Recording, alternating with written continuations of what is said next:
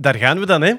Een goede dag iedereen en welkom bij alweer een nieuw Nerdland maandoverzicht. We kijken terug op de maand juli, dus het Nerdland maandoverzicht. Ik ga dat gewoon opnieuw doen, want dat is veel te verwarrend. Dit is een podcast op wetenschap gericht. Wij zijn zelden van onwaarheden beticht. En wij zijn nog nooit voor corruptie gezwicht. Dit is het Nerdland. Maandoverzicht. Met uw gastheer Lieven Scheire. Een goede dag iedereen, welkom bij alweer een nieuw Nerdland maandoverzicht van augustus 2021. We kijken terug op de voorbije maand. We zitten hier vandaag op 26 juli voor de opname. En bij mij zitten Jeroen Ba. Hallo. De Hetty Helsmoort. Dag lieven. Natta Kerkhoffs. Hallo, Kus. Kurt bij Hey. Goedemiddag. En Els Aarts. Hallo. Aan de knoppen en aan de microfoon. We gaan het weer over van alles hebben. En ik denk dat we een lang Musk-nieuwsje hebben. Er zijn wat gorilla's in de ruimte geweest. En ik denk dat Musk niet gaat meedoen deze. het zou kunnen dat het het eerste Musk-nieuws wordt eh, eh, zonder Musk, omdat de twee andere eh, een beetje te ja, eh, infantiel aan het doen waren. Zwat! We gaan wel in de ruimte beginnen, maar met iets compleet anders. Nata, Hubble is kapot. Hubble was kapot, lieve. Hubble was kapot.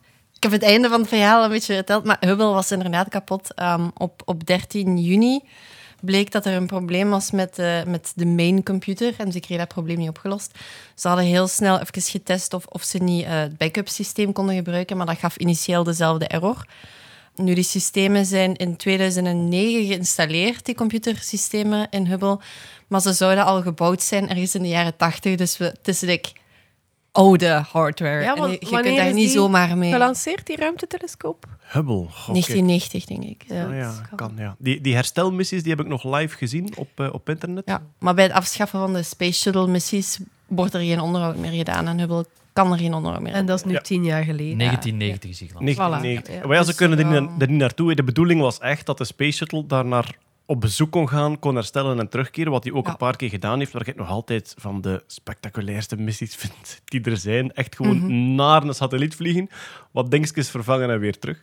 Maar dat gaat nu niet meer. Dus als het nu kapot is, dan is het kapot. Dan is het echt een, een, een, dat is een heel groot issue, want je kunt alleen nog maar van de grond zaken gaan oplossen. En zeker met, met oudere hardware is dat, is dat niet zo... Allee, het is bijvoorbeeld niet dat ze gewoon kunnen zeggen ah, we hebben, we hebben een backup computer, we gaan dat een keer testen, we switchen dat een beetje. Nee, daar moet heel hard over worden nagedacht en ge- gekeken van waar zit dat probleem in precies. En het bleek effectief een probleem te zijn met de power control unit van eh, de main computer. Uiteindelijk hebben ze het nu terugwerkend gekregen wel door eh, de PCU van de backup computer. Om, om die dat te laten aansturen. En ze hebben effectief de volledige switch gemaakt naar de backup computer. Dus aan zich kan Hubble nu terug doen wat het, wat het, wat het moet doen. Want het, ja, het kon eigenlijk niks meer. Alle wetenschappelijke instrumenten werden aangestuurd door die computer. Het kon geen data meer verzamelen. En hoewel er geen, er gebeurt geen onderhoud meer aan Hubble en de, de opvolger, de James Webb-telescoop, denk ik, staat klaar Ja. eh, om gelanceerd te worden. Maar dan nog is het wel zo, het is zo'n icoon waarvan je niet wil dat die zomaar schroot wordt doordat een computer even niet Maar meer dat werkt. gaat die worden, hè. Hij Hij gaat ja. opbranden in de atmosfeer, normaal gezien. Is het hè. waar? Ja, inderdaad. Voor wanneer is dat voorzien? Eh, Het is wachten op James Webb, want die is al een paar keer uitgesteld. Ja. Ehm, En ik denk een keer dat, James, dat de James Webb-telescoop gelanceerd is en ook effectief Werkzaam is. ja, en Ja. Mhm. levert wat ze ervan hopen. Ja. Want bij Hubble, bij Hubble, die was eerst... De eerste foto's van Hubble waren rot slecht, hè, omdat daar, ik denk, een verkeerde lens op zat of zo. ja, dat is Ja, ja. juist. Ja, dat, ja, dat is Dan, dan zijn, ja, Ja, daar ja, zat een verkeerd ja. berekende lens op en dan zijn ze er naartoe gevlogen om daar een andere lens over te... Ze hebben, dus Hubble heeft een Stel bril. voor, ja. De, de, Hubble, de Hubble Space Telescoop heeft letterlijk een bril. Ze hebben daar een andere lens voorgeschoven om te corrigeren. En wat bleek toen? Eigenlijk een monocle. Ja, inderdaad. Ja. Super ambetant, want hij moest dan op een bepaald moment zijn hand voor één oog houden en dan zo een lijst op de aarde uitleggen. A, E. Het is inderdaad het is een monocle. Ze hebben er ook een snorretje op getekend. Ah, ja, Hij ja. spreekt met een Frans Zo'n accent. kettingsken ook zo. Oh, what a beautiful galaxy. Beeld in, beeld je in hoe lullig dat ook is. Zo, zo. En nu zien we het eerste beeld van Hubble en dat is zo super crappy, wazig. Ja. Maar het moment dat hij dan de bril had, bleken de beelden veel beter te zijn dan ze Ja, chance. Ja, ja, maar zelfs beter dan ze dachten dat het Oké, ging zijn zonder de bril. Er zijn al vijf shuttle-missies naartoe geweest om hem op te kalefateren. En de James Webb-telescoop die zou laat 2021 moeten Die gaan was gepland voor oktober. Ja, ja. Eh, Ja. Ik weet niet wat eh, de stand van zaken is eigenlijk. Dat Volgens mij wordt- houden ze dat nog altijd aan, maar het Denk kan ook ook. 2022 zijn. Dat wordt een van de spannendste lanceringen van Mhm. de voorbije jaren. Absoluut. Want als die misgaat, jongens, wat er dan qua, niet alleen qua financieel fortuin, maar ook qua wetenschappelijke exper- ja, expertise blijft behouden. Nee, Maar, input, kennis. ah ja, ja. Ja, want Dan is het Hubble herbeginnen. zit echt aan, aan het einde van zijn Latijn. Eigenlijk. Die gaat het niet meer lang volgen. Ik heb wel nog even, ja. nog even opgezocht wat... wat allee, Hubble ligt aan de basis van bijvoorbeeld... ehm, dat we weten de snelheid waarmee het universum uitzet. Eh, heel veel evolutie van sterrenstelsels, atmosferische studies van planeten buiten het zonnestelsel. En ik had gevonden dat er ehm, meer dan anderhalf miljoen observaties zijn gemaakt met Hubble. En dat meer dan 18.000 wetenschappelijke papers zich baseren op de data die Hubble heeft. Well, Ja, en ook Pretty cool. bijna al, gedaan. die, bijna al die iconische foto's, die vooral arendsnevel dat. en dat soort dingen zijn van Hubble. En Ja. ook de eh, Cosmis- Cosmic Finger of Friendship. ja, Ja. ja, ja. Ik heb er al over verteld. Denk. Hubble zit bij mij zo in hetzelfde rijtje als het ruimtestation Mir. Dat is ook zo... Mir is ook toch... In mijn kop is dat 30 jaar meegegaan. 90s. Waarschijnlijk niet, maar dat is, dat is extreem 90s. Ja. Ik heb nog gewerkt met data van Hubble. Wow, oké. Ja, ja absoluut. Ja. Iedereen kijkt naar elkaar. Ik, heb nog, eh, ik heb nog gewerkt met de data van Hubble. Je hebt een foto van de NASA-website gedownload. nee, nee. nee, nee, nee, nee, Als bureaublad. Ja. Mij waren er kwijt bij, ik heb nog gewerkt. Eh, nee, ehm, ik heb nog gewerkt met foto's van Hubble. Meer zelfs, de kans is groot dat er foto's zijn van Hubble die ik als eerste mens op aarde gezien heb. Ah, zo'n burger citizen Ja, science Citizen project. Science. Hoe heette dat nu weer? Die, eh, Zooniverse? Zooniverse. Ja. Op Zooniverse kon je als citizen scientist, kon je eigenlijk, voor de AI was dat dan, hè, kon je de vorm van een, van een melkwegstelsel manueel beoordelen. Van is het cirkelvormig, sigaarvormig, heeft het armen of niet. En ik heb dat toen zitten opzoeken. Ik heb dat toen zo wel een paar uur op gesleten. Ik vond dat heel tof om te doen. Hè. Met, met duizenden mensen over heel de wereld waren wij zo op het wc, voordat Candy Crush bestond, eigenlijk. eh, eh, Dat was ook zo het meest nerdy. Waar echt zo... Nu ga ik eens een uurtje eh, sterrenstelsels categoriseren. Ja. Maar ik heb dat dan zitten opzoeken en ook nog, denk ik, gevraagd aan, aan die organisatie van die website. Die foto's kwamen echt rechtstreeks van Hubble. Dus die kwamen niet langs een onderzoeker, omdat er was gewoon zoveel dat er... Ja, ja, er was gewoon geen tijd voor. Dus die kwamen echt rechtstreeks van Hubble op uw computer. En ze zeiden ook van... ehm, we laten elk sterrenstelsel aan een tiental mensen zien, zodanig dat als er één eh, scheef kijkt of ambetant wil doen, dan zien we nog altijd van ja, acht of negen van de tien zeggen dit, dus het is dat. Maar dan nog altijd, ik heb alles samen wel een paar honderd van die, van die sterrenstelsels doorgeklikt. Dus er zijn waarschijnlijk sterrenstelsels die ik als eerste op aarde ooit gezien heb op die Hubble-foto's. Sorry, mijn eerste zin klonk nog altijd als een... Ik heb in academische kringen met data van Hubble gewerkt. Dat was de bedoeling ook. Eigenlijk op de wc gewoon geswiped. Ik heb, me, ik heb me verveeld in april 2012. Ja, dat is het. Dat, Dat is klopt, ja. Maar ik had, nu, nu dat ik eraan denk, ga ik het wel op mijn LinkedIn zetten. Nee. Ja. Je kunt op uw LinkedIn kunnen trouwens ook zetten um, Time Magazine Person of the Year 2008. Want in 2008 is You uitgeroepen tot... tot Oh, is dat zo? Ja. Ja, dat was zo. Dus ik, dat, staat op, dat op mijn cv bij verwezenlijkingen. Zo, zo ereplaats, Humo's Comedy Cup en dan... eh, nee, eh, wat was het? De, de, de- van de jury, felicitaties, zoiets. En dan daarna Time Person of the Year 2008. Mag ik nog een beetje Serge Simonaren? Mag, hè? ja, absoluut. Ik heb ooit iemand ontmoet die Hubble aangeraakt heeft in de ruimte. Wauw. Wat? Ja. Eh, Di- Dirk Vriemhout heeft, heeft ooit al zijn collega's van zijn ruimtemissie naar België uitgenodigd. Eentje daarvan is Michael Vol. En Michael Vol was heel jong toen dat hij met Vriemhout vloog. Die is nog altijd astronaut trouwens. En die heeft een van de Hubble Repair missies gedaan. Eén van die vijf. Ja, inderdaad. En ik heb hem toen ook verteld, want aan Dugent hadden ze, hadden ze ons uitgenodigd voor een panelgesprek. Ik heb hem daar ook verteld van ja, ik heb, ik heb gewoon dagenlang naar die mensen te kijken op mijn, op mijn computer, op de livestream. En die vertelde dat dus op een bepaald moment moest hij met die dikke astronautenhandschoen in Hubble grijpen. En ik denk een moederbord eruit klikken en een ander erin stoppen. Maar ik kon niet zien wat hij deed. Dat was achter een hoekje. Dus echt zo door een luikje open en achter een hoekje zo aan het kijken naar dat rinkelen. En toen dacht hij van ja, ik had dat nu wel een paar honderd keer geoefend in het zwembad en gelijk waar. Maar op het moment dat je aan het zoeken bent, klik ik juist en je weet als ik nu een paar van die tandjes afbreek, is het echt gedaan met Hubble? Hij zegt, dan ben je wel een beetje nerveus. Gaf gaf wel. Ik vind dat hier op aarde in een computer al een absolute zweetfestijn om zo'n moederbord te installeren. Dus Ja, in ja. Hubble. Maar dus, je ziet niks, je voelt amper iets, maar je moet er toch knal op zitten. Ja, Eh, ja, kom jongens. Wou net Hier zijn, hier zijn de nee. Space Glory Hole. Deze is, deze is entrapment, daar ga ik niet op reageren. te veel titel van je sekstape. Ja, ik, ja, nee. ik dacht het wel. Nee. eh, ja, ja, ja. ja, maar kijk, eh, Hubble leek even kapot, want zelfs de, zelfs de vervangcomputer leek te haperen. Hè. En dan, toen waren ze echt in paniek. Dat zelfs de, de- Het backup systeem leek initieel inderdaad ook niet te werken, maar ze hebben dat dan ehm, ze hebben dat uiteindelijk wel aan de praat gekregen. Dus Oké. die power control unit, ja. Alright, Hubble werkt weer en we hopen van ganser harte dat hij het blijft uithouden dat de James Webb-telescoop in de lucht hangt. Hetty, er zijn assistentiehonden. Hè. Assistentiehonden moeten ja, eh, mensen assisteren. Kan allerlei dingen zijn. Denk de blinde geleidehond is de meest bekende, maar ook zeer veel personen in een rolstoel. Denk ehm Marieke Willemie. Ja, Marieke Voort. Vervoort. Wijlen, Ja. Marieke. Ja, Wijlen. voilà, inderdaad. Ja. Marieke Vervoort die had eh, altijd een, een assistentiehond. Want ja, die leren kasten open doen en dingetjes en enfin, ja, allerlei dat soort dingen. Maar ze willen die natuurlijk steeds beter maken. En daar zijn ze nu een nieuwe weg ingeslagen. Ja, nieuw. Allee, de titel van het artikel was eh, Assistentiehonden genetisch geselecteerd. En dan dacht ik, oh ja, ze zijn ze aan het modificeren, ze zijn ze aan het veranderen. Maar eigenlijk doen ze gewoon aan genetische selectie. Ah, ze kiezen in de stamboom welke wereldwijd Dus ze kiezen uit het nestje de beste. Nee, nee, nee, nee, nee, nee, nee, nee, nee. Ze zijn echt eh, aan het kijken wereldwijd welke honden hebben nou echt goed gefungeerd als assistentiehond. En als we die nu kruisen met een, een mannetje die dat ook goed gedaan heeft, is de kans groter op een hond die dat ook succesvol zal doen. Want allee, die training die kost heel veel geld. Die duurt ook redelijk lang. En het slaagpercentage is daar ongeveer 40 procent. Echt? Dus, ja, maar vier op de tien van die pups die, die worden effectief assistentiehond. Wow, ik dacht dat dat...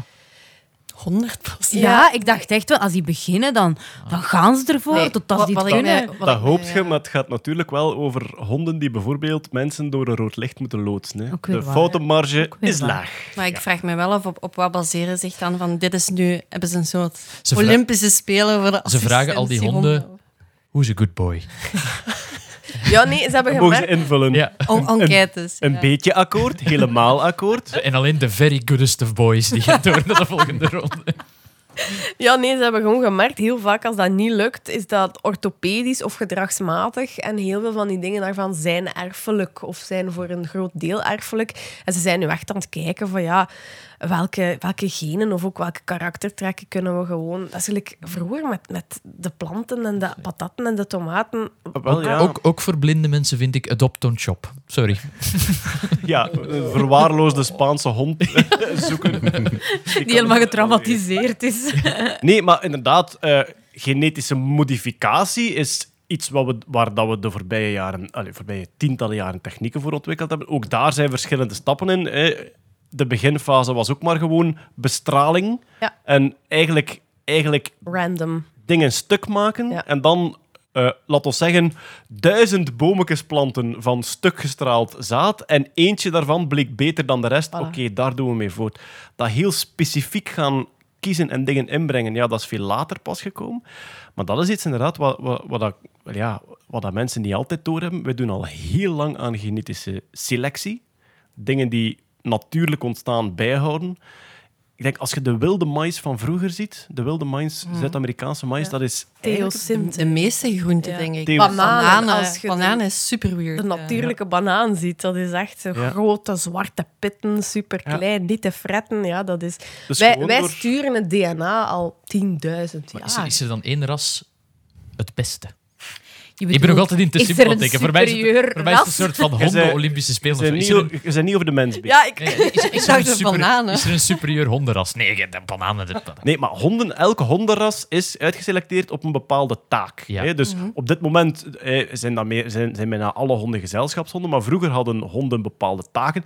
Die dashonden, die, die, die tackles, die moesten in de, in de konijnenpijpen kruipen, denk ik. Of de dassen, de, de, da- ja, dashond. Hè? Dus de dashond moest Ja. dassen uit de burcht verjagen. Die Yorkshire Terriers, zoals Nero of van Carmen, weet je wat die hun functie is? Eh, Dat was toch ook iets een jacht, denk ik niet? Dat is een rattenhond. Ah, ratten. Ah. Ja, dat is een rattenhond. Die werd in kastelen gebruikt om gewoon ratten te zoeken en te verjagen. ook Dus- zo specifiek eendenhonden voor in het water en zo. Ja. ja, en pointers. hè, En- die, En zo, Pointers. die King Ja. Charles, die zijn gemaakt voor op het zadel mee te liggen. Als ze gingen- die mochten gewoon mee in het zadel zitten. Oh, en zo Oh, die, salonhondjes. die Japanse honden met die krulstaart, Akita Inus, die werden eh, gebruikt voor de jacht op beren. I see. Op beren. Wauw. Ja. Oké, En, hardcore. en Peter zijn een hond voor mieren. inderdaad. Maar dus ja, ja. al die hondenrassen zijn dan uitgeselecteerd voor dat bepaald eh, doel. En dus bij die assistentiehonden gaan ze nu echt een soort wereldwijde stamboom maken. Ja, ja, ja, ja, want er zijn echt eh, van wereldwijd zijn de vrouwtjes die naar hier gebracht worden. Is een UGent-project in samenwerking met de VZ2. En ze zijn nu aan de eerste generatie van die, van die ja, genetisch geselecteerde honden. En die slaagkans voor die opleiding is gestegen van iets minder dan 40 tot eh 63 procent. Cool. Dus als je, ja, als je dat al krijgt in je eerste generatie. En, en, dus zij zijn daar wel heel hoopvol. Vooral, het duurt lang voor mensen. Er staan nu 400 mensen in België op de wachtlijst Ja. voor zo'n hond. Is soms meer dan een jaar wachten. Als je meer honden op kortere tijd goed kunt opleiden, ja, dan, valt die, dan valt die wachttijd En is er al een, eh, weg. Publicatie. Oh. Er is, straks, er is straks uitreiking van de Gouden Ja. Gast 2020, Ja. maar deze komt op het lijstje voor 21. Zijn ze ook aan het kijken naar welke genen dat die goede honden dan gemeen hebben, of is dat heel complex? Ik heb het niet gevonden. Kijk, het is in Gent, we kunnen het een keer... eh, Het gaan vragen. Het is Bart Broeks van eh, de diergeneeskunde hier in Gent die daarmee bezig is. Voilà, want dat zou wel geweldig boeiend zijn, dat je inderdaad ook die genen kunt vinden die de- Ja. die, die honden dan eh, gelijkaardig hebben.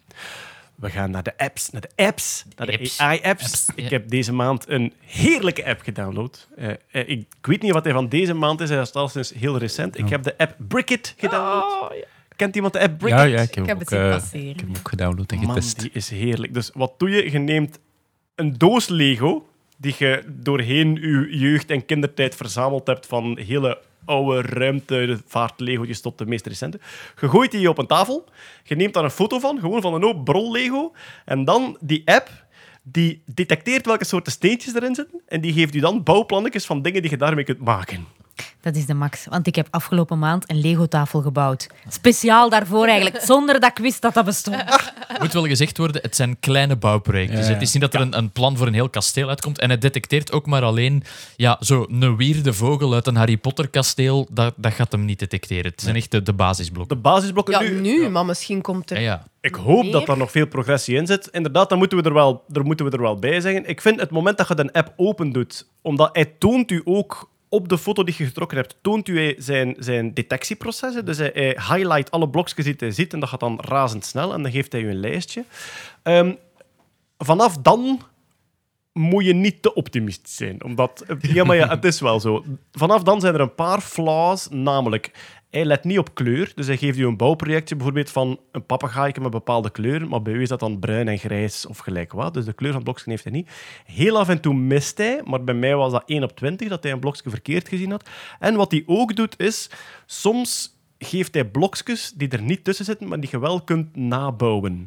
Ah, ja. Dus in plaats van een lange van 8 geeft hij u twee van 4 bijvoorbeeld. Maar het coole is wel, de moment dat je... Want ik denk zelfs dat je hem zou kunnen gebruiken, misschien nog voor andere dingen. Het moment dat, je, eh, dat hij u een blokje suggereert van en nu moet je dat gebruiken voor je bouwprojectje, als je daarop tikt, dan toont hij ook op de foto waar dat ligt. Dus Oh wel, dat was ik aan het denken. Want wij hebben veel Lego en we willen daar dan zo dingen mee bouwen. En dan is dat alles eerst uitzoeken Ja. voor dat dingetje te bouwen. En wel, want de bouwprojecten die er nu op staan, zijn inderdaad zo dingen van 15, 20 blokjes, zo hele kleine bouwwerkjes. Misschien dat ze, dat ze veel meer markt gaan vinden met mensen die gewoon van alle de Lego een foto willen trekken om het dan gemakkelijk te sorteren. Ja. Ja, want ik was nog aan het denken om hem te testen, om zo gewoon een standaard doos te kopen, die leeg te kappen en dan de app dan een foto van te laten pakken om te zien van, vindt hem het plannetje? Oh. Maar dat doet hem niet, want hij heeft maar echt zo de, de standaard kleine... Ja. En wat dat een belangrijke is, wat ik ook gemerkt heb, als hem zo blokjes niet herkend is, goed belichten. Omdat de schaduw van blokjes op andere blokjes, dat Uiteraard. verstoort het algoritme om Ja, te gaan detecteren. Weet je hoe vaak dat een Lego-blokje, zo twee Lego-blokjes, hoe vaak dat je die op elkaar en van elkaar kunt halen? Daar heeft iemand eruit een machinetje voor gebouwd en met wat, wat blokjes getest. 37.112 keer gemiddeld. Dat het kan plop en onplop. Dan is de vraag, zou er ooit al een Lego-blok versleten geweest zijn? Dat Ja, dat is de vraag. Ja. Ik weet dat niet. Dat is 37.000 veel. keer uit Dat elkaar veel, halen? Dat, dat kun je toch Dat machine dat, dat heeft tien dagen nodig om dat blokje 37.000 keer eh, van elkaar en op elkaar Ik moet zeggen, als onze kinderen dan bouwen zijn, dat gaat wel vooruit. Ja, wij hebben Lego van mijn ouders ook nog. Dat is... Ja, die is wel wat versleten. Ja. Maar ja, dat is natuurlijk nog niet de kwaliteit van nu ook. Maar ja, 37.000 keer, dat wil zeggen... Allee, pak nu, hé, we gaan een Fermi-berekening doen. Hé. Op 37 jaar moet je 1000 keer per jaar... Dat, dat is drie keer per dag. dag, dat is toch niet... Maar eh, elke dag. Elke dag alle blokjes, hè? Je wilt toch een Maar keer nee. op reis gaan ook? Oké, Ik het durf mij sterk maken dat er hier blokjes in huis zijn die elke dag gemiddeld, drie keer Wel, van en op elkaar Je moet toch al een heel favoriet blokje hebben? Ja. Dat er Twee, een- twee. Dat in elk Twee, van uw ja, projecten gebruikt wordt en dan ook nog eens elke keer gebruikt wordt langs dezelfde kant. Hè? Want het, allee, Maar ja, gelijk knoppen. die lichtjes, die, één, die lichtjes van één, die, die cirkeltjes... Mijn kinderen zijn daar zot van, hè. Die zitten, over, die zitten overal in, hè. Die bouwen met niks anders. Die doorzichtige... Die door... Ja. Ja, Ja. oké, ja, ja. Lichtjes van één. Iedereen heeft zo een, ook een eigen vakterm voor... En die gaan nog een platteke van vier. Maar een lang of een vierkant? Ja, een vierkant, hè. Die anderen zijn staafjes van vier. Dat is een 2 x 2 dan. Een platte 2 x 2. Een platte 2 bal 2, ja, inderdaad. Of zo'n half schuintje. Wat? Zo'n dakpanneke. Ja, zo'n half schuin roodje zo. Ja, maar van vier of van acht? Maar gewoon dat je van vier toch een dakpanneke. Ik noem de kleinste dingen altijd dat klein tjoepken, wat dat je bij, bij veel Lego niet... Allee, dat is niet duidelijk. Ja, inderdaad. Nee. Zeg maar, Jeroen, je hebt Ja. ook een app getest. De Nvidia Canvas app. En Nvidia die maken grafische kaarten, dus het is natuurlijk ook een app om kaarten mee te verkopen. Maar Het is een AI-app die dan AI-app. eh, VDM-programma's en Canvas-programma's dan. ja, ja inderdaad. Dat is voor de meerwaarde zoeken. De, de quote van Koppes, de bunker van Hitler. Kijk, Ja, ja, kijk, opgelost. De, de, de voice wordt daar... eh, eh, The of Germany. Ja, een. Koningin Elisabeth, Elisabeth wedstrijd eigenlijk. Gregoriaans contrapuntisch gezang. Die slogan van Canvas is tegenwoordig ook vroeg of laat kijk je Canvas. En dat klinkt zo defetistisch. Van vroeg of laat kom je altijd bij ons. maar het is een app waar je langs de ene kant met hele simpele brushstrokes, dus met de grove borstel, kunnen zeggen hier wil ik water, hier wil ik zee, hier wil ik bergjes, hier wil ik sneeuw. En op een bestaande afbeelding? Nee, of gewoon op, een leeg leeg? canvas. Ja. je maakt Paint eigenlijk ja, heel vaak een Ah, leeg zo'n canvas. canvas. Zo'n canvas, ja, inderdaad. Een Ah. schildercanvas, Ah. natuurlijk. Ja. En dan langs de rechterkant verschijnt er, op basis van beeldsynthese, verschijnt er een gegenereerde foto die uw geschetste, vage, ruwe eh, geografie benadert. Dus ik kan perfect wolken... of Ja, uiteraard heb ik een penis getekend en je kunt perfect... Ja, een penis, peniswolk maken. Piemelwolk. Ja, en het is, het is niet met herhalende texturen en zo. Het is echt, de AI erachter is getraind op enorm veel landschapfoto's en die probeert een realistische manier te vinden om die sneeuw te laten overgaan in zand. Dan heeft hij in AI bijvoorbeeld Maar ook zag, foto's... het, zag het er echt realistisch Het zag er echt uit, goed uit, ja. Ja, ik heb het Het is wel beperkt tot 512 pixels op 512 pixels. Dus het is niet dat je daar panoramische zichten mee gaat maken van kun je ver. Maar het is wel indrukwekkend. En ook, eh, ik heb het kort besproken met mijn promotor ooit, eh, Philip Dutré, Computer Graphics. Die zegt van ja, dit bestond al 15 jaar op congressen en zo. Maar toen moest er wel, tekende je dat, en moest er twee dagen op gerekend worden. En nu is het real-time. In, Ah, real time Oh, zelfs. Ja, real time, Als je ja, absoluut. verandert, dan Ja, verandert ook. live, ja. Je moet, er, wow. je moet er een Nvidia RTX-kaart voor hebben. Dat is ja, 400, 500 euro, eh, zeker in de huidige marktprijzen en zo. Dus het is ook wel een beetje een marketingding. Maar ik vond, ja, het, het was wel indrukwekkend. En het, het opent volgens mij mogelijkheden om ja, een soort van unieke achtergrond te maken snel. Of voor, voor filmsets of zo. Ja, locatiescouten is moeilijk. Als je kunt zeggen van ja, het zou wel heel cool zijn. Zou er hier zo een overhangende rot staan die net daar komt. Ja. Ja. Dat is cool. Dat is, Ja, eh, ja. ja, het is, het is, het is En-.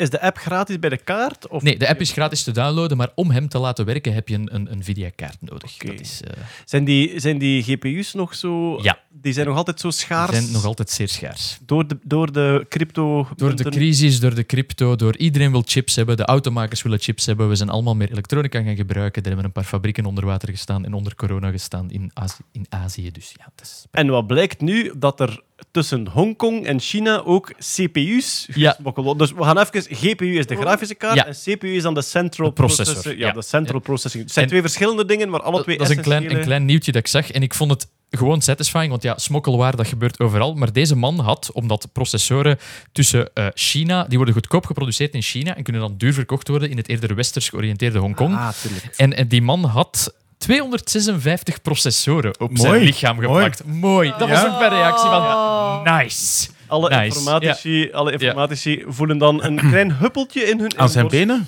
Eh, zijn benen en zijn armen. Zijn benen en zijn bovenarm. Het was een trucker. En 256 Intel-processoren. En eh, 256, dat is natuurlijk 2 tot de 8ste. En daar- Een daar hele mooie macht van twee. Ja. Die, ja, en in, in de informatica komt je constant... Maar dat is ja, ook logisch, als als je binair, armen- als je Ja. binair telt, komt je constant machten van Dat is ook een al naar vorige maand. Vorige maand hebben we gezegd 1000 byte. Dat is, alleen, een gigabyte is 1024 bytes. Nee, Jij dat is zei een, dat. een, noemen ze dat nu. De moderne manier om dat te zeggen is, als je het over bytes en meervouden hebt, is het eh babybyte, kibibyte, mebibyte. Dus we gaan dat even moeten, Belachelijk. we gaan dat even moeten herhalen. Normaal gezien, de voorzetsels, ja, mega, giga, peta enzovoort, zijn eh, ja, eh, duizend, miljoen, miljard. Ja. In de informatica is het gemakkelijker om met 1024 te werken, omdat dat ook een mooie macht van 2 is. Twee Absoluut. tot tiende. Dus werd de... Ik denk vooral bij harde schijven, hè, dat, je, Ja. dat je vaak, als je een schijf koopt van een, van, van een megabyte, dat die eigenlijk Een schijf 1024... van een megabyte, dat is heel lang geleden. Ja, ik weet het, ja, maar eh, ik ben ook heel oud. Hè. Vroeger moest je die gaan halen met een camion. Ja, Mijn, mijn, eerste com- mijn eerste computer had een schijf van 12 megabyte. Maar dat is 25 jaar Wij, geleden. wij hadden een, wij hadden een, een eh, in de jaren 80 een Olivetti. Die had 40 megabyte geheugen, ja, alles samen. Hè. De hele computer was 40 megabyte.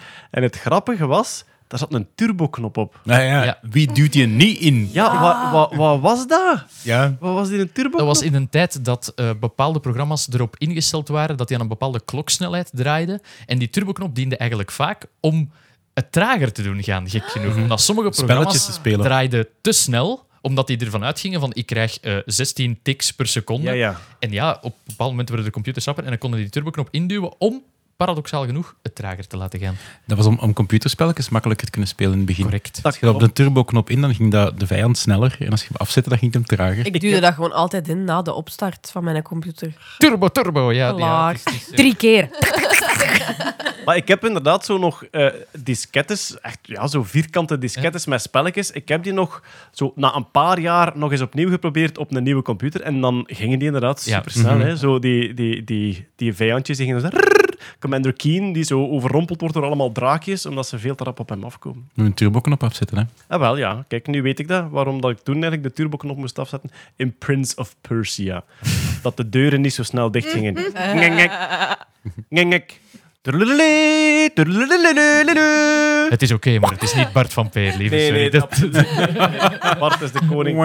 En ik weet, ook, ik weet ook met dit soort geluidjes dat je zo 10% van ons publiek heerlijk melancholisch worden en 90% waar zijn die The fuck? boomers, Ja. die boomers weer over. furieus aan het skippen, 30 seconden vooruit. Gaat dat nu nog altijd over gekke geluidjes? Ja. Vertel eens iets over Assassin's Creed Valhalla, hè. doe eens.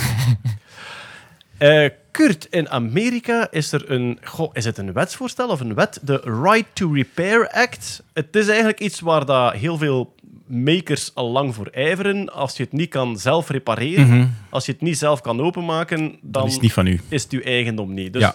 eh, het feit dat dingen gemaakt zijn om niet repareerbaar te zijn, door ons economisch systeem natuurlijk. Maar- En daar is nu een tegenwind tegen. Maar ja, het gaat zelfs verder dan dat. Hè. Je, hebt, je hebt verschillende stadia erin. Hè. Je kent zo, eh, iedereen kent zo de- printer die dat ineens zegt, ik kan niet meer printen. Zo. Je hebt zo'n aantal dingen die dat fail by design zelf Ja, zijn. die, die gemaakt zijn om... Ja, die gemaakt zijn om kapot zijn. De stap verder is dat, dat fabrikanten van toestellen zeggen, om welke reden dan ook, meestal is het dan zo veiligheidsredenen van, je mag er niet zelf aan sleutelen, want hoe, hoe, hoe, als je er zelf aan sleutelt, dan kan het in het fik schieten en zo. Dus Ja. nee, je mag er niet aankomen. En dan hebben we nog een stap verder, de Apples van deze wereld, de Big Tech, die dat zeggen, we gaan onze eigen vijsjes ontwerpen, zodanig dat mensen het niet open kunnen. hè. De Pentalobe Screw bijvoorbeeld van een iPhone is daar een schoon voorbeeldje van. uw, uw garantie vervalt als Ja. we merken dat vijsje Ja, is opengegeven. Voilà, Ja. we gaan, dat snap ik nog op een manier. Ja. Maar los van het feit dat we gaan, we gaan het extra moeilijk maken en er is geen enkele reden, buiten een economische dan, van eh, als het kapot is, gooi je het weg en koop een nieuwe. hè, Ching ching kassa kassa. Of als het kapot is, kom het maken bij ons en een dikke factuur, ching ching kassa kassa. Dus het zijn allemaal economische redenen waarom. En ja, er is uiteraard een hele tegenbeweging eh opgekomen. Bijvoorbeeld, je hebt een website die ifixit.com is een hele bekende in de makerwereld die dat eigenlijk producten open doet en eigenlijk onofficieel handleidingen plaatst online van hoe kun je nu een iPhone of een MacBook of een laptop, hoe kun je die nu maken? En dan daaraan koppelen van deze onderdelen hebben we nodig, die kunnen bij ons ook bestellen. Dat is Maar als je zo zegt- pijnlijk, die website, want die hebben vaak de nieuwste snufjes. ja. En dat niemand heeft een Playstation en daar zijn ze maar aan het openvijzen. Ja. Dan kijk je ernaar van, oh nee. Maar die doen dat ook heel mooi. Dat is ook heel, heel. Gestileerd in beeld. gewerkt. Zo, nerds, ja, soms kunnen daar wel veel lekker naar kijken. Ik heb, eh, ik heb mijn, mijn telefoon een paar keer hersteld Ja. via die website. En het is toch altijd... Je staat toch een beetje met zweet op je voorhoofd. Absoluut, Je hebt daar een ding vast van allee, ja, tegen de 1000 euro. En dan moet je daar zo met dat feestje... Oh, ik hoop dat ik hier geen... Die connectoren zijn ook allemaal zodanig Die zijn allemaal heel klein. En, en je denkt dat je vijf dezelfde vijsjes hebt, maar dat zijn dan vijf verschillende, want dat is dan een tiende van een millimeter, dat die iets minder diep zijn. Maar ja, als je de verkeerde erin draait, dan heb je de kans dat je iets kapot rijdt. Maar de voldoening, als je zo'n toestel hersteld Absoluut. hebt, als je daar een nieuw scherm in gewezen het wordt ook weer moeilijk. Ik weet nog dat Ja, de eerste dus- iPhones ja. waren nog gemakkelijk en nu is het allemaal met lijm toegeplakt. Absoluut. En- Ja, dat is zo het, het, het ding daarna. Is, ze maken het heel moeilijk. Hè. Het voorbeeld van de Pentalop Screw van Apple is daar een heel duidelijk van. Maar een ander voorbeeld wat dat Apple ook doet, is op de moederborden van de MacBooks, eh, RAM-geheugen zit daar gewoon op gesoldeerd. Ehm, ook weer van, ja, waarom is dat? Ja, dat zal misschien wel wat performantie, dat scheelt dan 2 mm dat ze die minder dik kunnen maken. Maar de bottomline is, je kunt dat niet vervangen. Je kunt geen RAM bijsteken. Als een onderdeel van je ding kapot is, moet het helemaal vervangen. En dat is wat dat je heel veel merkt. Bijvoorbeeld, mijn, mijn eh, gasboiler was kapot gegaan. Dan komt er een reparateur langs, ja, die vervangt heel dat moederbord. Dat is dan direct stevige kost. En dan denkt hij van, ja, die zegt ook van, ja, het is ergens op dat moederbord, maar ik weet niet wat het is, ik kan er niet aan. Het is ook heel wasteful. Hè. Ecologisch gezien is Ja, het eigenlijk absoluut. niet Amai. goed dat Ja. je telkens... Terwijl dat het wel anders kan. Ik bedoel, de droogkast van, van mijn vriendin was kapot gegaan. Dat is zo'n AEG. En blijkbaar is dat een heel standaard probleem. Dat een, zo de, de offline power switch, dat is één een microcontroller die kapot is. En dan de weerstand die kapot is. Dat is anderhalve euro. En een nieuwe chip erop solderen op moederbord en die weerstand. En die droogkast werkt. Maar hoeveel mensen kopen gewoon een nieuwe Voilà, droogkast? het is dat. Terwijl, en, en, en als je dat dan googelt online, dan vinden ze de onofficiële handleidingen en van ik heb dat zo gedaan en hier. En zelfs websites dat het pakketje aanbieden van die een chip en die weerstand samen en hup, het is teruggemaakt. Het is, wel- het is ook En- zo gewoon geworden dat je een nieuwe gsm Ja. de drie jaar Voilà. hebt. Hè? Want ja, ja, mijn laptop is kapot. Ja, een, Ah, ja. een nieuwe nodig. Voilà. Dat, Dus, die dingen, dus die dingen gebeuren al. En dan eigenlijk de stap daarna was heel het gelobby, nog een keer van tractorfabrikanten, van heel veel dingen, met diezelfde argumenten dat zeggen van eh mensjes, Amerika, wil jullie alsjeblieft een wet stemmen dat mensen hun eigen toestellen niet meer mogen gaan doen, want dat is toch gevaarlijk voor de mensen. hè. John Deere tractors Ja, is een John hele, een hele ja. beweging. Dure Ja. tractors die dat, eh, bepaalde software-updates nodig hebben en mensen willen daar niet meer voor betalen. Dus die zijn hun eigen besturingssystemen op die ja, tractors van gemakkelijk weet ik veel hoeveel geld te beginnen flashen. En John Deere was daar niet mee, niet mee gezet. Dat was eigenlijk een heel mooi voorbeeld van mensen dat je niet meteen associeert met ik ga met een tractor hacken. En, en, en die, die beweging, omdat het gewoon zo kostefficiënter was om geen nieuwe tractor te kopen. Hekboer. Gewoon, voilà, Dat zijn ja. allemaal landbouwingenieurs. Dus Ja, de hekboer. Ja, maar het is, het, het is dat, dat is die filosofie van als je het niet kunt open doen, dan zit je eigenlijk geen eigenaar. Eigenlijk, als dat de reden is, dan zou je het beter kunnen leasen, gelijk dat in Nederland ook al iemand doet en zo, in plaats van het te kopen. Dan snap ik dat je een service koopt. Maar, ehm, dus dat wetsvoorstel, also die lobbying was bezig en dan heeft er... Maar als ik het goed begrijp, het voorstel was, wij willen een wet die het illegaal maakt Ja. om uw eigen dingen te Ja. repareren. Die, dat, die dat eigenlijk het feit van war- warranties void, het- dat Jeroen zei, Ja. en, en dat snap ik nog wel. Als je zelf je ding openwijst, dat je garantie vervalt, oké, zo be it. Maar als Dat het toch al kapot is... Voilà, is daar een garantie voorbij. Eh, Dat, dat snap ik wel natuurlijk, want als er aan geprutst is en je brengt het terug, het is kapot. Ja, maar je hebt geprutst. Oké, dat snap ik. Maar dus was het die lobbying om dat zelfs illegaal te maken, om eigenlijk by default toestellen dicht te maken en dat je die als eindgebruiker niet meer mocht opdoen. En dan in Amerika zijn heel veel makers eh, uiteraard van wat fuck is deze? En dan bijvoorbeeld een Amerikaan, Louis Rosman, heeft dan eigenlijk zelfs, eh dat zijn een, self-learned, ook een maker, die zelf eigenlijk heel veel dingen repairt en dat als service ook aanbiedt en heel veel computers maakt. Die is dan een Kickstarter en hij is een GoFundMe gestart en zo en heeft redelijk wat geld opgehaald. En die is dan ook beginnen teruglobbyen. En dat heeft nu toegeleid dat er wel, dat nog geen bill is, maar dat er wel een, ehm was juist een term in Amerika, weet ik niet juist voor, Ehm, een act, ja, een Ja. act om toch die fair repair te doen. Met Biden als, Ja, met eh, Biden als, ja, voilà, als ondersteuner. Dus dat is nu gebeurd. En ik hoop dat dat nog maar het begin is, want ik hoop gewoon dat, dat, dat, dat, dat bedrijven dat inzien, dat het, het herstelbaar maken van hun producten, dat dat een economische win kan zijn. Zeker in, in, de tijden waar dat chips schaars worden. Ja. Waar dat er gigantisch veel Ja. e-waste is. Waar dat Ja. er ja, recyclageprogramma's, maar dat je denkt van, wat de fuck is deze? Dat, zou, dat moederbord zou toch veel beter uit elkaar kunnen, of modulair maken. Dat is je een van de redenen dat die modulaire telefoon, Ja, wat dat op zich een goed idee is, nooit van de grond Nooit. gekomen is.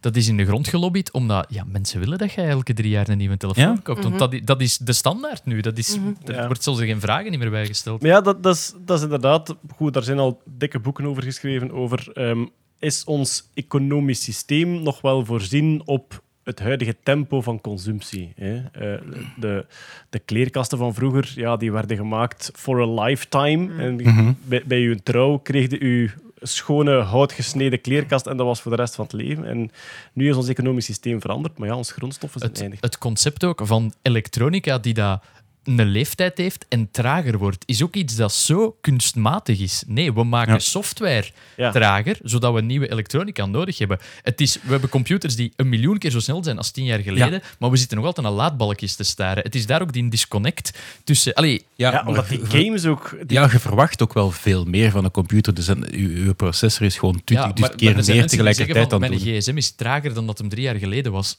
Dat is vaak...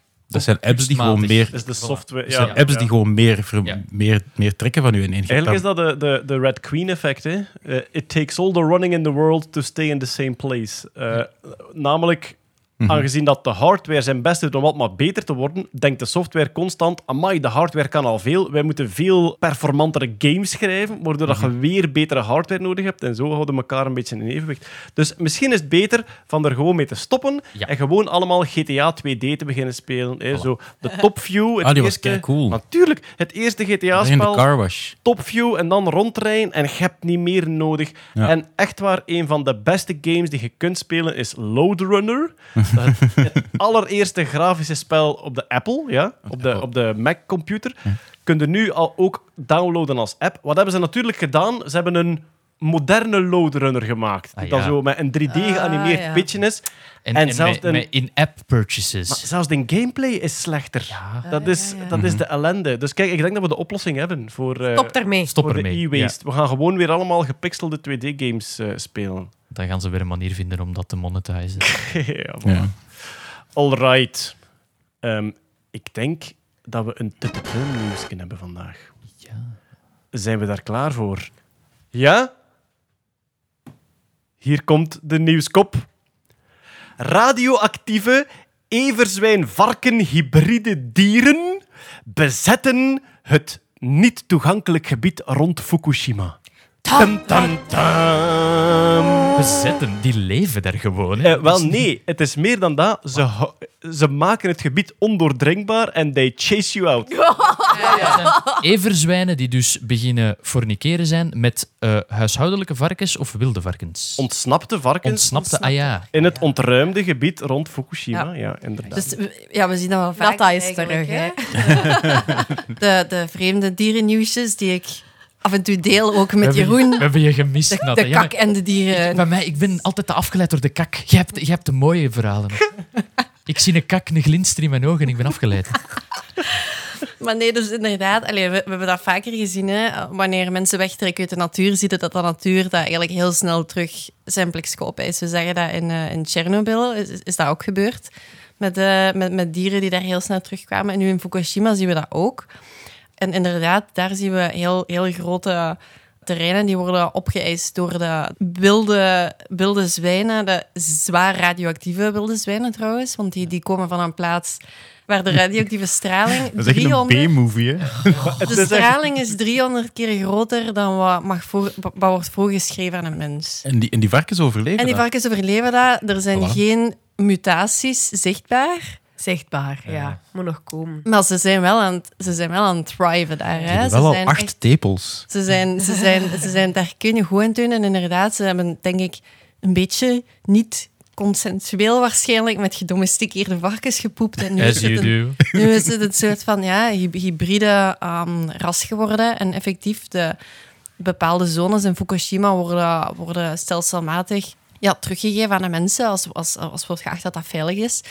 En de mensen stuiten nu wel op die problemen van, ja, oei, eh, hier zijn wilde zwijnen en die vallen ons aan en Ja. they real angry. gewoon. Pigs Dus from the west niet, side. niet alleen komt het terug in een soort post-apocalyptisch radioactief landschap, maar ook gewoon angry pigs. Uw huis is ingenomen door radioactieve Dus wilde zeggen van, zwijnen. jee, ons huis staat er nog en what the fuck is er gebeurd? Ja, en, ik bedoel, het, Wie zit daar naar mijn Netflix te kijken? Dat, is, dat is gewoon real-life enactment van Angry Birds. Maar ja, het, het, is, het, is, het is Japan ook. Ik bedoel, ik ben echt aan het wachten. Ik ben aan het wachten op de film. Echt waar. ja, natuurlijk. They think they can take back the land from us. Dan zo'n varken dat zo'n Rambo-bandje aan doet. Maar ja, dus ook, je moet je die sfeer voorstellen onder die... Allee, zo stel ik mij dat voor. Onder die boerderijvarkens, het moment dat die mensen daar vertrekken. Die mensen weten dat er straling is, die varkens die voelen helemaal niets, want die, die, die effecten zijn lange termijn. En die denken van, alright, ze zijn weg! Naar de wilde zwijnen! Poepen met de wilde zwijnen! Voilà, en nu zijn we een paar generaties verder. Het wordt wel, Hetty, denk ik... Allee, ik weet niet hoeveel generaties varkens dat er in die voorbije jaren kunnen ontstaan zijn, maar het wordt wel boeiend om te gaan kijken of dat ze genetisch geselecteerd zijn. Of- Absoluut, Of, dat ze ja. groter, En of dat ze stralings- blindengeleide kunnen worden dan. Ja. Assistentie. Hele, hele boze. Jawel, ik ga wel door het rondlicht wandelen. Fuck you. Het ironische als blinde geleidevarken is dat ze licht geven in het donker. Wat Ah, ja, weer allee, een soort onnodig kunstje is op dat moment. Maar ja, voor die auto's wel, hè. Ja, dat is waar. Ja. Maar ja, inderdaad, zijn, zijn ze stralingsgevoeliger geworden. Zijn, zijn de, de biggetjes die niet tegen de straling konden er Eruit geselecteerd. allee, zo een varken dat op je afloopt, dat 300 keer radioactiever is dan toegestaan. ja, jongens. Uw geigerteller die gaat de lucht. Het is hier gevaarlijk en er zitten varkens dichtbij. Het laatste wat hij hoorde was zijn geigerteller die... Danny was pig food. Het zou die reeks over Chernobyl cooler maken. Want nu, was dat, varkens. nu was dat zo sereen en, en zwaar Ja. en drama. Boze Als ze, dieren. als ze reek over Fukushima maken, is die laatste aflevering gewoon die varkens die daar... Ja, ik wil een, een zieke versie van Beestenbos. is heel erg boos. Beestenbos is pissed off and radioactive. Now step back. Maar ja, misschien is dat ook, hè. Gewoon een acteur die gewoon wraak neemt. Nature is, is, is healing. Hè. Ja, maar ik denk dat- allee, we, we weten in alle eerlijkheid ook wel dat als de mensen teruggaan, dat die wilde zwijnen na een, een jaar of zo. Zijn ze lekker? Ze zijn radioactief vooral, dus ik... Maar zijn die nu nog radioactief? Vraag ik mij af. Of zijn die gewoon keihard bestraald? En zit dat in hen? Vraag ik mij af. Ja, ik denk dat dat wel in Oh, hen ja. zit. Omdat hè. dat in uw hun botten accept... Allee, Ah, oké, pakken dat toch heel hard op niet? Ik denk dat je daar niet van af gaat. Is daar nog vark- altijd straling of is dat volledig? Weet het niet. Nee, nee, nee. nee. Een varken fret ook alles. hè. Ja, wel, het zit Ja, in de bodem. dat is wel de- echt waar. Ja, ja. ja. Heel de omgeving wordt gewoon opgefret. ja, door die ja, beesten. ja, ja. Ja. Zeg, er was nog een dierennieuwsje. Er heeft een kat gekakt. Ja, En dat was medisch nieuws. Want de kat was geboren zonder anus. nieuws, nieuws is een eh, groot woord, lieve, maar het was een dierennieuwsje en een tot kakka. Dus Ja. En ik heb het laten gaan. ik heb- Natta is er Dank terug u, bij. Ik dacht van, wel. deze is voor jou. We zijn zo blij dat je terug bent, Natta. Jij krijgt deze anus. En wat, wat was de... dat is het liefste dat iemand ooit Liefde is, dat is zo die kalender van liefde is. Liefde is een kattenanus. We've heard that sentence before, but... ehm, Het ging inderdaad over, over, een, eh, over een Canadees katje, Dora, dat geboren was zonder anus. En dat is een heel zeldzame aandoening. Ik heb het opgezocht, komt wel vaker voor bij andere dieren ook. Bij mensen weet ik eigenlijk niet. Het is een evolu- moeten opzoeken. het is een evolutionair slecht plan. Dat kunnen we wel Ja, eh, het, is, beslissen. het is sowieso fataal als het niet wordt aangepakt. Tuurlijk, natuurlijk. Maar eh, ja, het katje werd geboren. De eerste zes weken was er eigenlijk niemand die, die iets merkte, want het katje kreeg heel licht verteerbare moedermelk. Om de een of andere reden was er niemand die zich geen vragen stelde bij het feit dat die kat niet zijn anus in uw gezicht het duwen was, zoals katten Ja, letterlijk all the time aan het doen zijn. Maar na zes weken werd de kat ziek. En ehm, ja, hebben ze Zes meteen- weken? Ja, na zes weken, toen hij op vast voedsel overging, eh merkten ze pas van, oké, er, er scheelt wel echt iets. Maar dan heb je zes weken kakken in je buik eigenlijk. Maar ja, nee, dat is vooral drank. Hè, denk ik. Ja, dat, dat is Ja. moedermelk en waarschijnlijk wordt dat heel erg afgebroken of zo. Ik denk niet dat heel jonge kittens heel veel kak gaan doen. Ja, blijkbaar. Ja. Er wordt naar mij gekeken, maar geen idee. Bij kinders komt er al redelijk wat uit. Maar- En mijn kattenbak zegt precies ook iets anders. Maar het, het, het leuke is dus effectief dat ze dan ja, met een spoedoperatie... ehm they tear the new asshole. en Katje Dora. Ik zie zo wel zo'n dokter met zo'n kruisteken van hier. Daar. Is dat raar? Is dat raar? Moet hem niet hoger? Zit hij niet hoger? Ietske hoger misschien, ja. Nee, deze is Maar- ook raar. En, en dan ontsmet de breinaald. Maar vooral, Ik zou zeggen, de, ja. de Dremel als je dat dan, als je dat dan snijdt, is dat niet gelijk zo een, ja, een ballon die gevuld is met iets dat dan De dam die barst. Ja. Ja. Ja, ik, ik denk dat dat mogelijk geen, geen mooie operatie Nee, is. voilà. Dat is eh, dokter Pimpelpopper die dat heeft gedaan. En, en, en Katje Dora gaat waarschijnlijk ook wel eh, voor altijd incontinent blijven. Maar ze heeft nu wel een anus om in mensen gezicht te duwen. Dus there's that. Maar, en wel, maar Oei, incontinent en een anus om in je gezicht te duwen. Er bestaan anussen die met een afstandsbediening open en dicht gaan. Hè? Ja, dat is Voor zo. mensen. Ja. Nee, En die kunnen soms interfereren met andere Oh. afstandsbedieningen. Wacht, nee, wacht, wacht. wacht. Wacht, wacht, wacht, Els, wacht. Els, Els, vertel me hier alles over. Is het een seks, is het een seksding of is het een nee, medical ding? Vertel dat een keer. Ja. Ja. en heb, verkopen ze het ook aan leken. ik heb ooit voor een eh, niet nader genoemd eh, consumentenprogramma gewerkt. En wij kregen een mail van een luisteraar dat voor echt serieus was. Mijn anus is stuk. Ja, die zei van, Ja. ik, heb een, ik heb een mechanische eh, sluit- sluitspier. Ik heb een mechanische anus. Sluitspier. We hebben al een Mechanus. dus... Mechanus 2000, neem hem nu. Maar de clue was Ja. dat hij ehm, vermoedde dat die ehm, mechanische was. sluitspier reageerde op het bakje van de poort van de buren. Want te pas en te onpas. Er gaat hier meer open of de garage, heb ik de indruk. Je wou ook echt niet van afstandsbediening wisselen. Wow, ik kan een tv eens opzetten. Oh nee. It happened again. Het zou wel ironisch zijn dat dat dan effectief de VTM-knop is.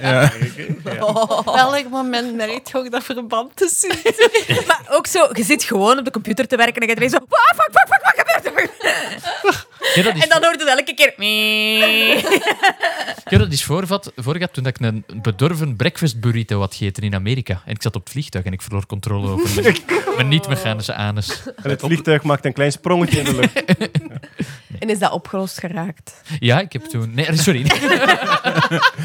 Nee, is dat opgelost Oh, geraakt nee. met de man met... Eh, we, we hebben daar uiteindelijk... eh, we hebben dat niet op de radio gebracht. Maar toch ergens, ik, ik vind het jammer dat dit nieuws van de mechanische anus niet net na de Right to Repair Act kwam. Het was ergens nog... Maar ik ben blij dat we het gehoord hebben. Els.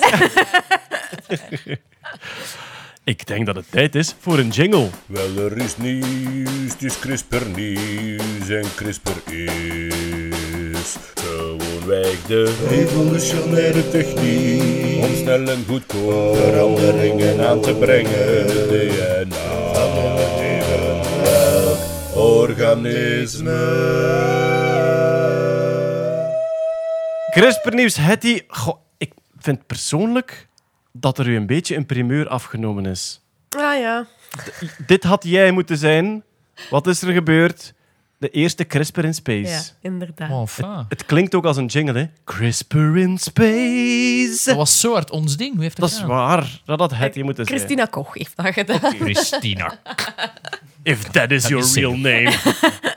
dus Christina Koch is een astronaute. Wat Ja. heeft ze precies gedaan? Ze heeft eh, in de ruimte gistcellen eigenlijk eh, het DNA van die gistcellen heel bewust een, een breuk toegebracht om te kijken hoe die cellen zich repareren in de ruimte. Dus eh, wij weten als wij ooit lange interplanetaire reizen gaan maken, dat we aan heel veel straling onder, onderhevig zullen zijn. Straling maakt ons DNA kapot. Hè, dat breekt die DNA-strengen in twee. Ons lichaam heeft een, een aantal mechanismen in voegen om die breuken te repareren. Maar bij het ene eh, gaat dat al beter dan bij het andere. Hè. Dus bij, bij sommige herstelprocessen ja, zetten ze er gewoon wat letters tussen. Met als gevolg, oké, uw ketting is wel weer geheeld, maar er zijn mutaties, er zijn problemen. En ze willen eigenlijk onderzoeken, ja, welke keuze maakt een cel in de ruimte? Gaat die eerder voor het ene eh, proces of voor het andere? Dat is tot nu toe heel moeilijk te bestuderen, omdat hoe maak je die, die breuken in zo'n DNA, in TSS, dat is al niet gemakkelijk. Als je dat met straling zelf doet, zitten met zoveel random breuken dat je niet goed weet wat moeten we nu uitlezen enzovoort. Dus met CRISPR kun je heel gericht, heel precies op een bepaalde plek zo'n breuk aanbrengen om dan ook heel precies te gaan kijken hoe, eh, hoe repareert zo'n zo'n cel zich. Ehm, qua resultaten is daar niet zoveel uitgekomen. Het was meer zo'n beetje proof of concept. Werkt CRISPR, werkt die sequencing? Gewoon voor die medaillers te hebben. hè. Maar gist is saai, hè? die. Als je Ja. daar naartoe gaat, dan ga je Dan ga ik cooler ja, CRISPR. op menselijke cellen Een baby! In de handbagage. Hoppakee. Ja, ik denk dat we daarnaar op, ja, op weg zijn. Hè. Op de duur gaan ze daar ook gewoon eicellen, spermacellen ja, onderhevig aan. Geeft Christina geen idee, hè? Kom op, hè, zeg. Ik Ja, denk dat Hetty een wombat gaat crisperen om in de ruimte afgeknotte icosaeders te kakken. Ja. Dat zou cool zijn. Nu, het is niet van, van afgelopen maand. Het is eigenlijk al van 2019, maar het is, het is nu gepubliceerd. Hè. Voilà, dan de, is, de publicatie eh, van nu. Voilà, in, Maar, in dus- februari geland, vorig jaar. Dus dat- Het onderzoek was niet zuiver. Werkt CRISPR in de ruimte? Nee. Je kunt je ook afvragen waarom in de ruimte. Het is eigenlijk voornamelijk zwaartekracht hè, die er anders is. Ja, ja, inderdaad. U, ja, je zit met stoffen, met vloeistoffen, je moet pipetteren, dat vliegt allemaal weg. Dus dat was gewoon... Ja, hebben we een plotse methode die, die, die makkelijker is en sneller en eenvoudiger om, om dat soort studies in de Ah, ruimte te doen? Het was, het was niet vooral om, om de invloed van straling en zo ook op dat moment te bekijken. Of is er in die Ook. niet zoveel, toch ook wel veel straling? Hè? Want ik heb zo gelezen dat ze dan in de speciale capsule moeten gaan zitten als er Ja, zon ook, maar dit is... ah, Wel, het, is zo, het artikel was zo'n beetje... Het, het, het hinkt op, op twee paarden, hoe zeg je dat, vind ik? Op Nee, twee benen. benen. Maar een paard heeft benen, dus het was eigenlijk... We gaan We overlopen. keuren het goed. Hinken op twee benen, wedden op twee paarden, eten van twee walletjes. Oké, oké, oké. Eh, Dus ja, de bedoeling is om in de toekomst echt wel de invloed van die straling te gaan Ja. nagaan en dan met CRISPR heel duidelijk te gaan, te gaan triggeren, weten waar dat je naartoe moet kijken. Maar dit was echt, werkt CRISPR eh, en het werkt. Dus ja, van- Want biochemisch, we kennen processen die eigenlijk zwaartekracht nodig hebben. Denk vooral botgroei bijvoorbeeld, is een volledig ja, biomoleculair proces. En wat blijkt, zonder zwaartekracht werkt het totaal anders. Ik denk dat dat ook de grote nervositeit is voor zwangerschap in de ruimte. Dat Ja. NASA daar zo streng op is van geen koppels in de ruimte. Of willen- bevruchting. Ja, ze willen niet meemaken dat een bevruchting eigenlijk totaal anders verloopt zonder zwaartekracht en dat je dan eh, beneden komt met, de met Maar een... die studies zijn, ja, staan in de pijlers, hè, in de stijgers. Ze staan Maar in de peilingen staan ook in de Ja, de studies staan in de hinkende paarden. Ehm, Aan twee walletjes. Eh, nog altijd geen nieuws van eh, de ESA voor jou, maar dat komt in de loop van de zomer. Ik denk het wel. Dus er, het nieuws was dat er 22.000 Europeanen zich kandidaat gesteld hebben. Eh, dus ik ben een van die 22.000. Ze zijn even bezig. Ja, voilà. En ze gaan nu naar 1500. Dus ze gaan 1500 mensen meenemen naar de volgende ronde. Dat is een Eén beetje... één één op 22. één op 15, denk ik. Van 22 naar 1500, ja, inderdaad. Ja, daar ben je bij. Hetty. Maar ja, Nee, Hetty, nee, is nee. Hetty Ik kan zo is- veertien mensen bedenken die minder goed zijn. Hetty is 1 uit de 1000. Dus statistisch Oh. gezien is 1 op de 22 geen probleem. En hoeveel, hoeveel schieten... Want dus die 1500 die gaan dan naar de, fi- de fysieke ontmoeting. hè. Die gaan ze allemaal fysiek een keer ontmoeten. om nee, te die zien. gaan naar Keulen. Daar zijn dan, dan is een hele dag proeven. Ik had al zoiets van, wa- welke fysieke ontmoeting? Daar had ik nog niks van gehoord. Nee, dat zijn veel computertests, zo IQ-test, inzicht, eh, tijdsdruk enzovoort. En dan gaan ze zo, ja, ze gaan in, in zes ronden dan gaan ze naar zes astronauten Zes. tegen, tegen de herfst van 2022. Maar dat, oké, daar ben ik heel realistisch in, maar ik zou heel graag die, die volgende dat zou ik ja. echt graag doen. Keulen zo. Het is een beetje de voice, hè. Je wilt er zo niet in de eerste ronde uit. En dan Voilà. ik, ik zou Is toch er- nog graag de volgende... Ik zou toch nog graag de volgende Beetje ronde. slimste mensen, gewoon heb, heb je een sms-nummer om te stemmen? Je wilt ook niet in de aflevering uitkomen waar dat zal mislukken. Allee, Is er nu zo'n Zo. uitleg? Of... Ja. SMS 28.433. Ja. Het is ook, het is ook een, heel, een heel gekke fase in die selectieronde. Dat je ergens een proef staat te doen met een proefmuis. En er zit vier man met zijn rug naar u en die draaien zich om als de proef goed was. Voor mij is het een jaar. Ook vooral omdat je als, als astronaut moet aanleren om niet op een rode knop te duwen. Dat is in de meeste gevallen het slechtste wat je kunt doen. Zeg, er was nog CRISPR-nieuws. Er Ja. is ook gecrisperd. En het wordt een beetje technisch, maar het is wel echt een mijlpaal. Ja. Er is gecrisperd binnen in het menselijke lichaam. Ja. Dus wat we eigenlijk tot nu toe van medische toepassingen voor erfelijke aandoeningen van CRISPR gezien hebben, of toch resultaten van experimenten, zijn dingen waarbij cellen uit het lichaam van zieke mensen gehaald worden, waar in het labo met CRISPR iets veranderd wordt aan die cellen en waarbij dat die terug in het lichaam gestoken worden. Een, een voorbeeld is sikkelcelanemie, een, een, erfelijke bloedziekte, waarbij dat men eigenlijk stamcellen van het been maar uit het lichaam gaat halen, dan de genetisch fout in het labo gaat corrigeren, die mensen een volledige bestraling geven dat al hun been maar weg is en hopen dat die gecorrigeerde cellen, als ze ze terug in het lichaam steken, opnieuw de bloedbaan gaan herbevolken met juiste cellen. Dat is wat we tot nu toe kennen. Maar het grote ding van CRISPR zou natuurlijk zijn om dat bijvoorbeeld rechtstreeks in ons lijf in te spuiten. In onze bloedbaan of in ons oog bijvoorbeeld. Dus daar zijn allemaal uh, dingen voor lopende, experimenten voor lopende. En van dat ene in de bloedbaan zijn nu de resultaten binnen van zes patiënten. Dat zijn kleine proeven, hè. maar het is, het is echt redelijk spectaculair. De beurs heeft daar ook enorm positief op gereageerd. Het zijn mensen met een, een, eigenlijk een, een ziekte, ik ga het aflezen hoor, transthyretide amyloïdose. Waarom moet je zoiets Ah. aflezen? Ja, klinkt toch een beetje als een nummer van Helmut Lotti. eh. TTAM, zoals ze zeggen. Nee, het probleem daar, een, een eiwit dat in de lever gevormd wordt, heeft een puntmutatie. Dus één letter is daar verkeerd in die DNA-code. En eh, dat wordt misvormd, dat eiwit, en dat vormt plaks. Dat, dat klot aan elkaar, beetje wat we van Alzheimer ook kennen. dat vormt plaks. En men eh, was op zoek, ja, kunnen wij met CRISPR kunnen wij dat eiwit uitschakelen? Kunnen we de productie daarvan gewoon uitschakelen? Kunnen we dat gen kapot maken? En ze hebben dat geïnjecteerd in de bloedbaan in eh, ja, ehm, nanopartikels, beetje zoals de vaccins ook, ook toegediend worden. En die vinden dan hun weg naar de lever. Cool. En daar repareren die dan eigenlijk die cellen, schakelen die dat eiwit uit dat, dat kapot is. En ehm, ja, de, de resultaten zijn daar redelijk spectaculair van. En dat opent vooral mogelijkheden naar ja, gewoon één injectie, want dat is het ook, hè. eenmalig, één keer, klaar. Tot nu toe hadden we wel dingen die zo tussentijds zo uw RNA afbreken, die dan het eiwit maken, maar dat is allemaal niet meer nodig. Dus eh, eenmalig, eh, en dat is ja, zeer, zeer hoopgevend voor echt heel veel erfelijke aandoeningen. Was, was datzelfde al gelukt op de oude manier? Allee, weten ze al dat CRISPR succesvol is in dat te doen op de... We halen nu bloed eruit, we fixen het. Dat gaat laten niet. Dat gaat ah, dat je gewoon kunt niet geen meer. lever uithalen, al die cellen daar. Ja. Dat, wel, dat is het probleem. Met heel Oké, veel ben mee, bloedziekten. ja. Voilà. Met heel veel bloedziekten kunnen dat doen.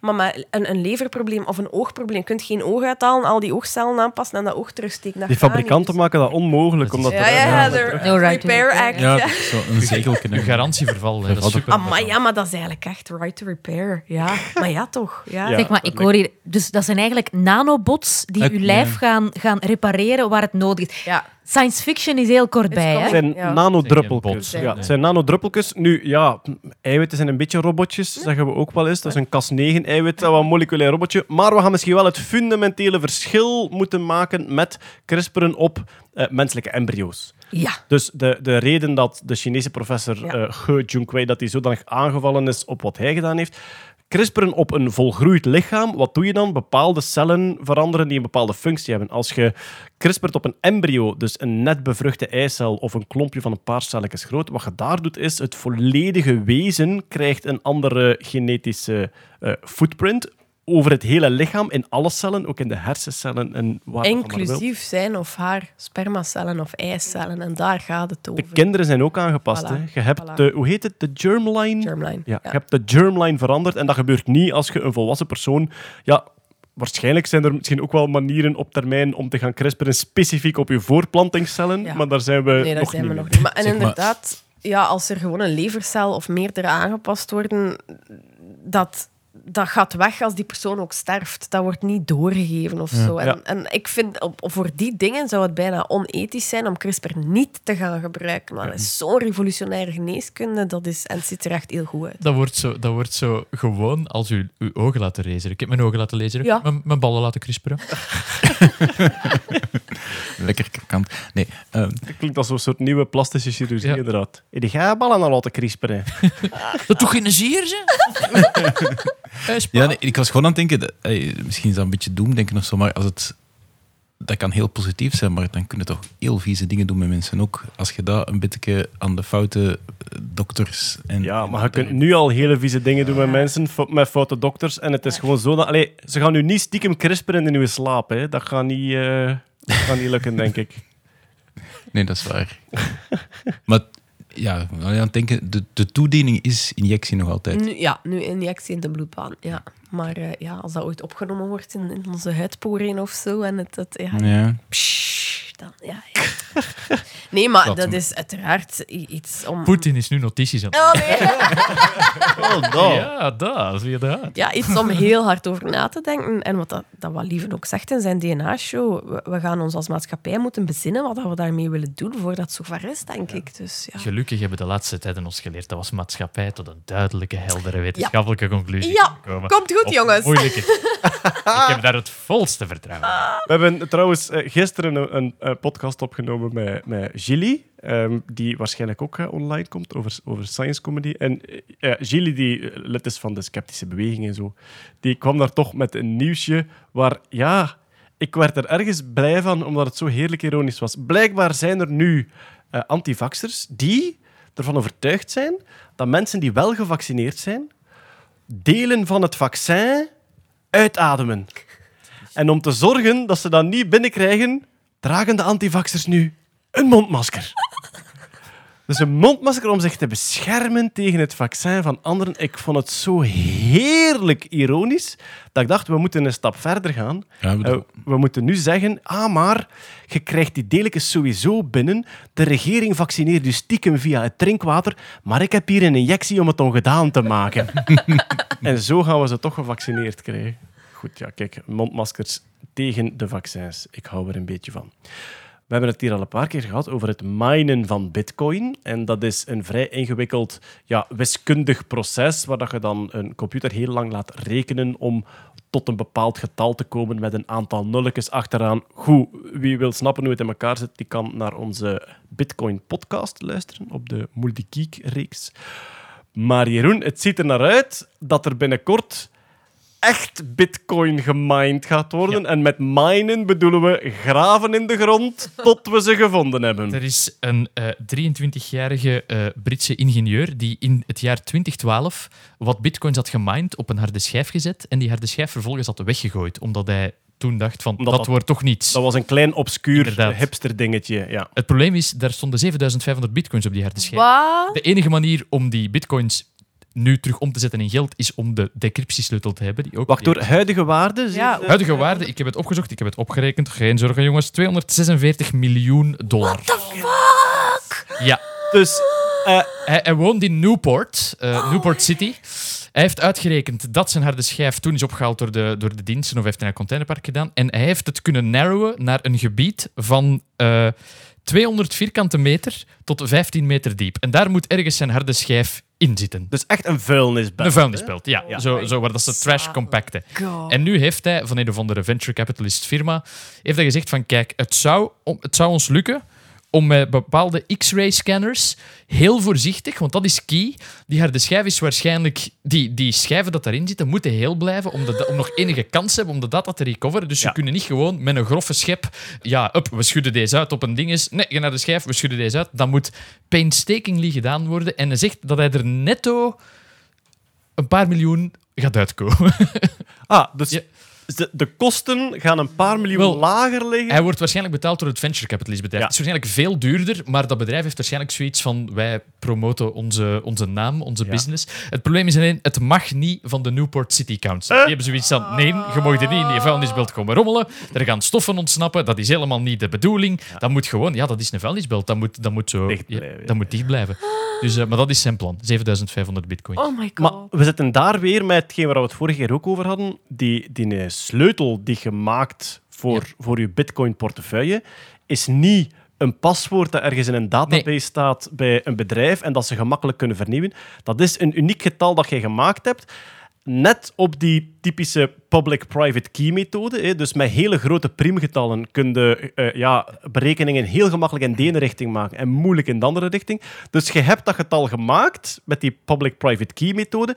En niemand kan dat voor u herstellen of Hij heeft ook al geprobeerd brute force die key te raden, maar die zoekruimte is zo groot. Het ja. zou tot, het, Wacht, tot de, wachtwoord. hit- de Als hittedood... zegt die niet. Ja, het zou tot de hittedood van het universum duren voor hij ook maar een Ja. fractie van de zoekruimte heeft Wat afgezet. dat goed is. Dat is hè. wat een goede- dat, is- dat, is- dat is het feit. Daar dient het, daar dient het ook Ja. voor. Maar wat een, wat een mindfuck ook, dat je weet... Oh my god, Een, I feel een his stort, pain. eh, wel, Ja. maar Oh. een, een stort afgraven op een manier dat je die harde schijf niet beschadigt, gaat immens veel geld kosten, maar er ligt ook wel 260 Oh. miljoen te. Waarschijnlijk als het recoverbaar is. Want ik denk Inderdaad. schijf, als het een standaard harde schijf is, het is geen solid state disk. Hè. Ja. Het is Ja, dat is een- het toen nog niet, hè? Voilà, het is ja, het is een magnetische Met een leesnaaldje. een leesnaald. Ja, maar dat is, op zich, dat is geen probleem. Maar als de, de platters, De- de, de- de, de film schijfjes zelf, zelf, als die ah. nog oké zijn, dan kunnen ze die recoveren. Die kan dus toch super klein niet? Ja, het is Eh, vooral, het is vooral dat magnetische straling en, en warmte. Je, Hè? je hebt wel zo forensi- als je er zijn zo filmpjes over forensische mensen die dat zo ja eh, een laptop dan in het water gelegen heeft proberen te recoveren. Ze kunnen ongelofelijke dingen doen om ja. die schijfjes Ja, ja. te herstellen, Ja. maar je moet wel, daar zit een zekere redundantie in ook. Ja. Maar je moet wel, het moet wel Ja. doenbaar Ik ben zijn. een keer met zes eh, kapotte harde schijven naar een Nederlands bedrijf gegaan die zo Ah, recovery voilà. doen. Ja. Als je hem van de, van de VRT-toren een keer of drie smijt, dat is nog oké. Dan kunnen ze recoveren. Echt? Ja. Dus helemaal van de VRT. Ja, ja, ja, En een paar keer, want de eerste keer zag hem er nog niet ten eigen uit. Dus Ja. we waren echt wel zo. Ehm, en en met, hele, met redelijk sterke magneten was ook nog oké. Eh, we hebben die in het water gelegd, we hebben die in brand Ik denk gestoken. fysiek bijtend. Dat Hetgeen, wat dat ergste was, was eh, mijn, mijn buurman die met een eh kolomboormachine erdoor Ja. had geboord. Ah, ja. Dat was, Ah, dat was ja, klaar. tuurlijk. Dat was gedaan. Ah, ja, ja, ja. ja. En warmte? Ah, wel nee, dus in brand gestoken, gewoon Niks. nog In de reeks Mr. Robot eh, legt eh, het hoofdpersonage zijn harde schijven eh, in de microgolf. En microgolf deze 15 seconden, eh, omdat de, de flikken aanbellen of weet ik veel. Ja, dat heb ik niet gedaan. Nee. Dat, Dat is ook slecht voor de micro. Dat is slecht voor de micro, Ja, ja, ja, die dat niet meer te herstellen valt. Ik denk dat het langzaamaan tijd is voor... Ja,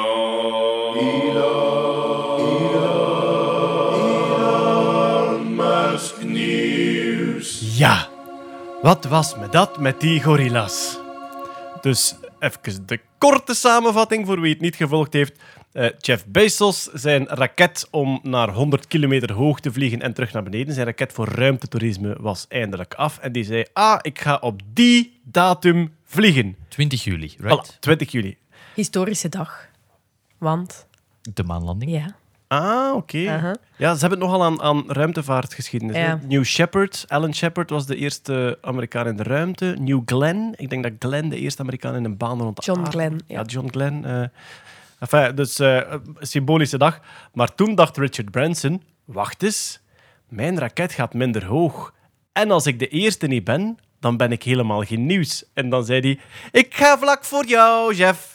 En toen zei Jeff, maar Niet voorsteken! maar je gaat niet hoog genoeg, Branson. En toen was het een soort kleuter-modderfight. Enfin, er is wat, op Twitter is er wat heen en weer ge, ge- ja, kinderachtig gedaan van jouw raket gaat niet hoog genoeg. En ik Maar ben het was heel low-key. Het was zo een infografiek van, Bezos, ja. van van- Bezos dan van... Wist je dat de officiële lijn voor de ruimtevaart ligt op zoveel kilometer? En dan zo'n vergelijkingske... Het is echt zoals je een wasproduct koopt. Eh, ons product, andere producten op de markt. En het was zo belachelijk. Wel, straks gaan we naar de lanceringen zelf gaan. Misschien kort duiden van waar komt die discussie over waar begint de ruimte. Ehm, ja, er is geen plotse overgang van atmosfeer naar ruimte. Die gaat heel geleidelijk over. En ja, zelfs op, op de plek waar dat ISS hangt, hebben we nog een heel klein beetje atmosferische wrijving. Dus moest daar een soort beslissing in genomen worden. En Von Karman heeft ooit gezegd, laat ons 100 kilometer pakken. Dat is, Nee. een- is het echt? Oh, Hetty, Nee. eh, neem over, neem Oeh, over. intriges. Voor de mensen thuis, Hetty heeft hier een notenblok met in het groot op... Waar begint de ruimte? pa, pa, pa. Iemand, uit, iemand bereidt zich voor op Keulen. Inderdaad. Ja. Ja, voilà. Nee, eh, Theodor von Karman was een Hongaarse natuurkundige. Die heeft zich inderdaad afgevraagd waar begint de ruimte. Die heeft niet gezegd op 100 kilometer. Die heeft gezegd daar waar vliegtuigen niet meer kunnen vliegen door een gebrek aan atmosfeer. Oh, Dat is wat hij gezegd heeft. Dacht dat hij gewoon had gezegd, daar. volg mij. Omhoog wijzen. Zo met- Gewoon met- met- daar. Met een laserlampje zo, daar. We zijn een wetenschapsfilosoof. Dat was in de Die jaren nam, 60. die nam pijl en boog en zei, daar waar mijn pijl zal landen. Daar begint de ruimte. Dat was in de jaren 60. En een paar jaar later heeft eigenlijk de eerste ruimteadvocaat, dat is eh, Andrew Haley, heeft dat berekend waar dat dan zou zijn. En hij is uitgekomen... Ja, ja. Wat Is dat- dat En die ja, zo? Het bestaat, ja. En die is uitgekomen op 84 kilometer. En dan hebben ze dat eigenlijk voor het gemak afgerond naar 100 kilometer. Fermi, ja. En daar, voilà, is die von Karman, of die Karman-lijn dan op gebaseerd. Op een afgerond getal, 84 kilo, komen maken naar 100 van. Stevige afronding. En dat is, eh, dat is blijven plakken. En dat is eigenlijk de grens die de, de FAI, de Fédération Aéronautique Internationaal, aanhoudt. De NASA en het Amerikaanse leer, die zeggen nee, het ligt op 80 kilo. Wel, maar dus wat is het probleem? Eh, internationaal wordt afgesproken, kom, we leggen dat op 100 kilometer. En de Amerikanen zeggen, wat is dat een kilometer? Ja, Wat is een kilometer? Kennen we niet. Dus die hebben 50 mijl gepakt. Ja. En dat is dan inderdaad eh, iets boven de 80, Ja. denk ik. Ja. Dus op het moment dat er mensen naar de maan aan het vliegen waren, waren we nog aan het discussiëren over ja, maar de ruimte. Wat, erg Richter of zo. Maar we zijn Wat, nog- wat betekent dat eigenlijk? We zijn nog altijd aan het discussiëren. Ja, we blijven. Ja, is- Want er, er, er, worden, er wordt echt zo gezocht naar verschillende definities. Inderdaad, de, de hoogte waar een vliegtuig niet meer kan vliegen, vind ik een mooie. Alleen het design van uw vliegtuig Ja. speelt ook al enorm mee. Er wordt ook gezegd de hoogte waarop dat je ja, langdurig een baan rond de aarde kunt behouden zonder dat je kracht moet bijsteken. Bon, de vraag is dan hoe lang, want het ISS moet ook af en toe bijgeduwd worden omdat het wrijving heeft. Dus dat is, dat is een moeilijke discussie. Maar hier, in, alweer op de, de, kleuter, de, de kleutertuin speelplaats van de miljardairs, was het plotseling wel een hot topic, omdat Branson gebruikt de grens van de ruimte blijkbaar van Von Karman en van de NASA. 80, hè? Ja, die. en Ja. Bezos pakt dan de grens van de ruimte van, van 100 Ja. Goed, we gaan dan eens naar de lanceringen zelf. Ik denk dat we ze wel gevolgd hebben. Het begon met eh, Branson, die omhoog ging. Dus eerst een draagvliegtuig, waar dan een raketje onder hangt. Dat draagvliegtuig gaat een paar tientallen kilometers hoog, denk ik. Ja, 15 kilometer. 15 kilometer hoog. En dan lost die eh, Spaceship 2, die valt naar beneden. Onmiddellijk schiet er een raketmotor aan. Dan gaat hij recht omhoog en dan knalt hij de ruimte in topsnelheid 4000 kilometer per uur. Dat was op 11 juli, negen dagen voor Bezos zou vertrekken. Ja, voilà. Ja. En dan, vanaf dan is het eigenlijk een paraboolvlucht. hè. Ze gaan niet in een baan rond de aarde. eh, ze gaan gewoon... Op een bepaald moment zetten ze die motor uit. Gaat dat ding blijft doorvliegen tot het op is en dan begint het naar beneden te vallen. De enige reden dat je gewichteloosheid voelt, is omdat je aan dezelfde snelheid naar beneden valt als dat vliegtuig. Maar dat is technisch gezien in het ISS Je zit zo. een hele fancy skydive. Ik had wel een beetje het gevoel toen ik het zag, zeer dure paraboolvlucht. Ja. Met het grote verschil dat je wel de darkness of space en de curvature of Earth Ja. ziet. En ik denk dat dat essentieel is voor, die, voor dat ruimtetoerisme. Je hebt effectief een donkere hemel boven u, een blauwe lucht onder u en je ziet die ronding van de aarde. En dat zoals in, zoals in de boekjes. Dat is eigenlijk de definitie. ja, dat heb je in het vliegtuig nooit. En als je dan nog eens gewichteloos hangt gedurende uiteraard veel langere tijd dan in een paraboolvlucht, dan neem ik aan dat dat wel het ruimtegevoel geeft. Waar dat veel mensen van schrokken, was bij de Bezos-lancering hoe snel die terug waren. Hè? Ja. Elf, Zeker, elf minuten. zeker, ja. zeker zijn werknemers in die centra die zitten te wachten om naar de wc te gaan. Die Wanneer is het? Ja. 12, 12 minuten? Jezus, er staat een lijn. Maar ja, mensen denken, de ruimte, zoiets Ja. gigantisch, Ja, mythisch, ja. onbereikbaar. Ja, kijk, op 12 minuten zijn de heen en Zit daar terug. snel. Ja. Ja, inderdaad. Maar je hebt, nou, je hebt het natuurlijk wel ervaren. Maar bon, we gaan even terug naar de pijn en de cringe Oh. van de lanceringen. En we gaan beginnen bij Branson. Ik denk dat we allemaal zitten kijken hebben. Het begon met een soort daytime verkoopstelevisie van vlieg in onze leuke raket. Zelfs de emoties waren gescript. Ja, je, ziet hem, je ziet hem echt timen van stop, draai naar camera, smile, melancholie, stap verder. Het is echt pijnlijk. Ook de presentatie was constant. We're all really excited down here, you know. En de intonatie was gewoon gescript. Oh, this moment is truly giving me goosebumps. En dan, dan kwam de eerste teleurstelling van de livestream. Mijn grote held Stephen Colbert, een briljante Amerikaanse satirist, comedian, impro-acteur ook, die zich voor de kan van Bezos laat spannen. En in het eerste minuut zei, ik heb Jeff Bezos in het verleden heel, heel hard eh, ja, uitgelachen, omdat dat een beetje ja, de, de miljardair van de Aldi is. En daarna moest hij zich toch aan een script houden en werd het lof voor, voor Richard Branson. En het, het was gewoon heel pijnlijk om naar te kijken. Ja, Die man, die heeft, eh, Colbert, heeft jarenlang steenharde satire gebracht op zijn, zijn persiflage als, als Amerikaans right-wing pundit. En nu was, het, was hij water aan het dragen voor miljonairs. Ja, ja, ja. Het was zeer pijnlijk. voor mij was dat ook, eh, voor mij was dat ook een knakske toen Colbert verscheen. En nog eentje.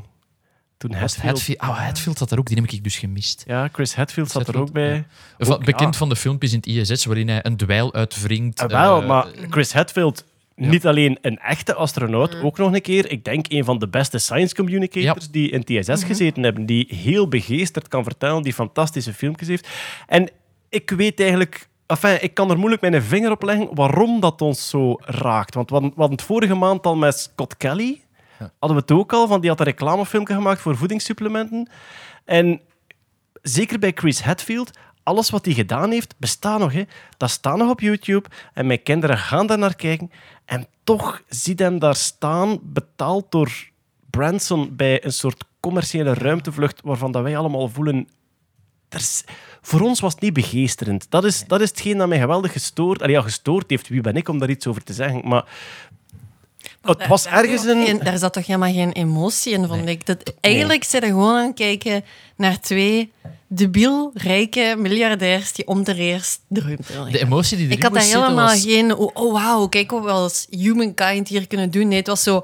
Kijk, mijn piemel is groter dan u. Kijk, ik ga in een megapiemel Maar eruit. ik denk dat die emotie ook gewoon niet de bedoeling was. Ik bedoel, ik, ik- sorry, maar ik ben qua technologie en innovatie daar wel van onder de indruk. Mocht NASA een, een vliegtuig in de lucht sturen en daar komt een jet onderuit gevallen en die schiet dan al 4000 kilometer. Wauw, wij zouden hier allemaal mega enthousiast Klopt. zijn. Dus qua, qua innovatie en technologie vind ik dat wel bewonderenswaardig. Maar ja, en, en dan was het ook zo de, de reactie van ja, ja. Putting commercial in commercial spaceflight. Ja, wat had je verwacht? Allee, ik weet, allee, Ten, ten, koste van wat, denk ik dan? Virgin heeft vorig jaar 3500 man ontslagen. Ah, wel, ja, maar Hoe zitten die mensen te kijken? naar- Ja, maar dat is wat we er dan zo moeilijk aan vinden. Dat dat ergens botst met, met de werkomstandigheden bij Amazon en, en bij Virgin. En ja, ik weet niet, is het dan de persoonlijkcultus van die mannen waar, waar dat we zo door geaffronteerd zijn? Maar qua technologie, denk ik, Maar er ja, zijn- ja. Er zitten heel veel ingrediënten, en heel, er zitten heel veel ingrediënten in de soap die het geworden is.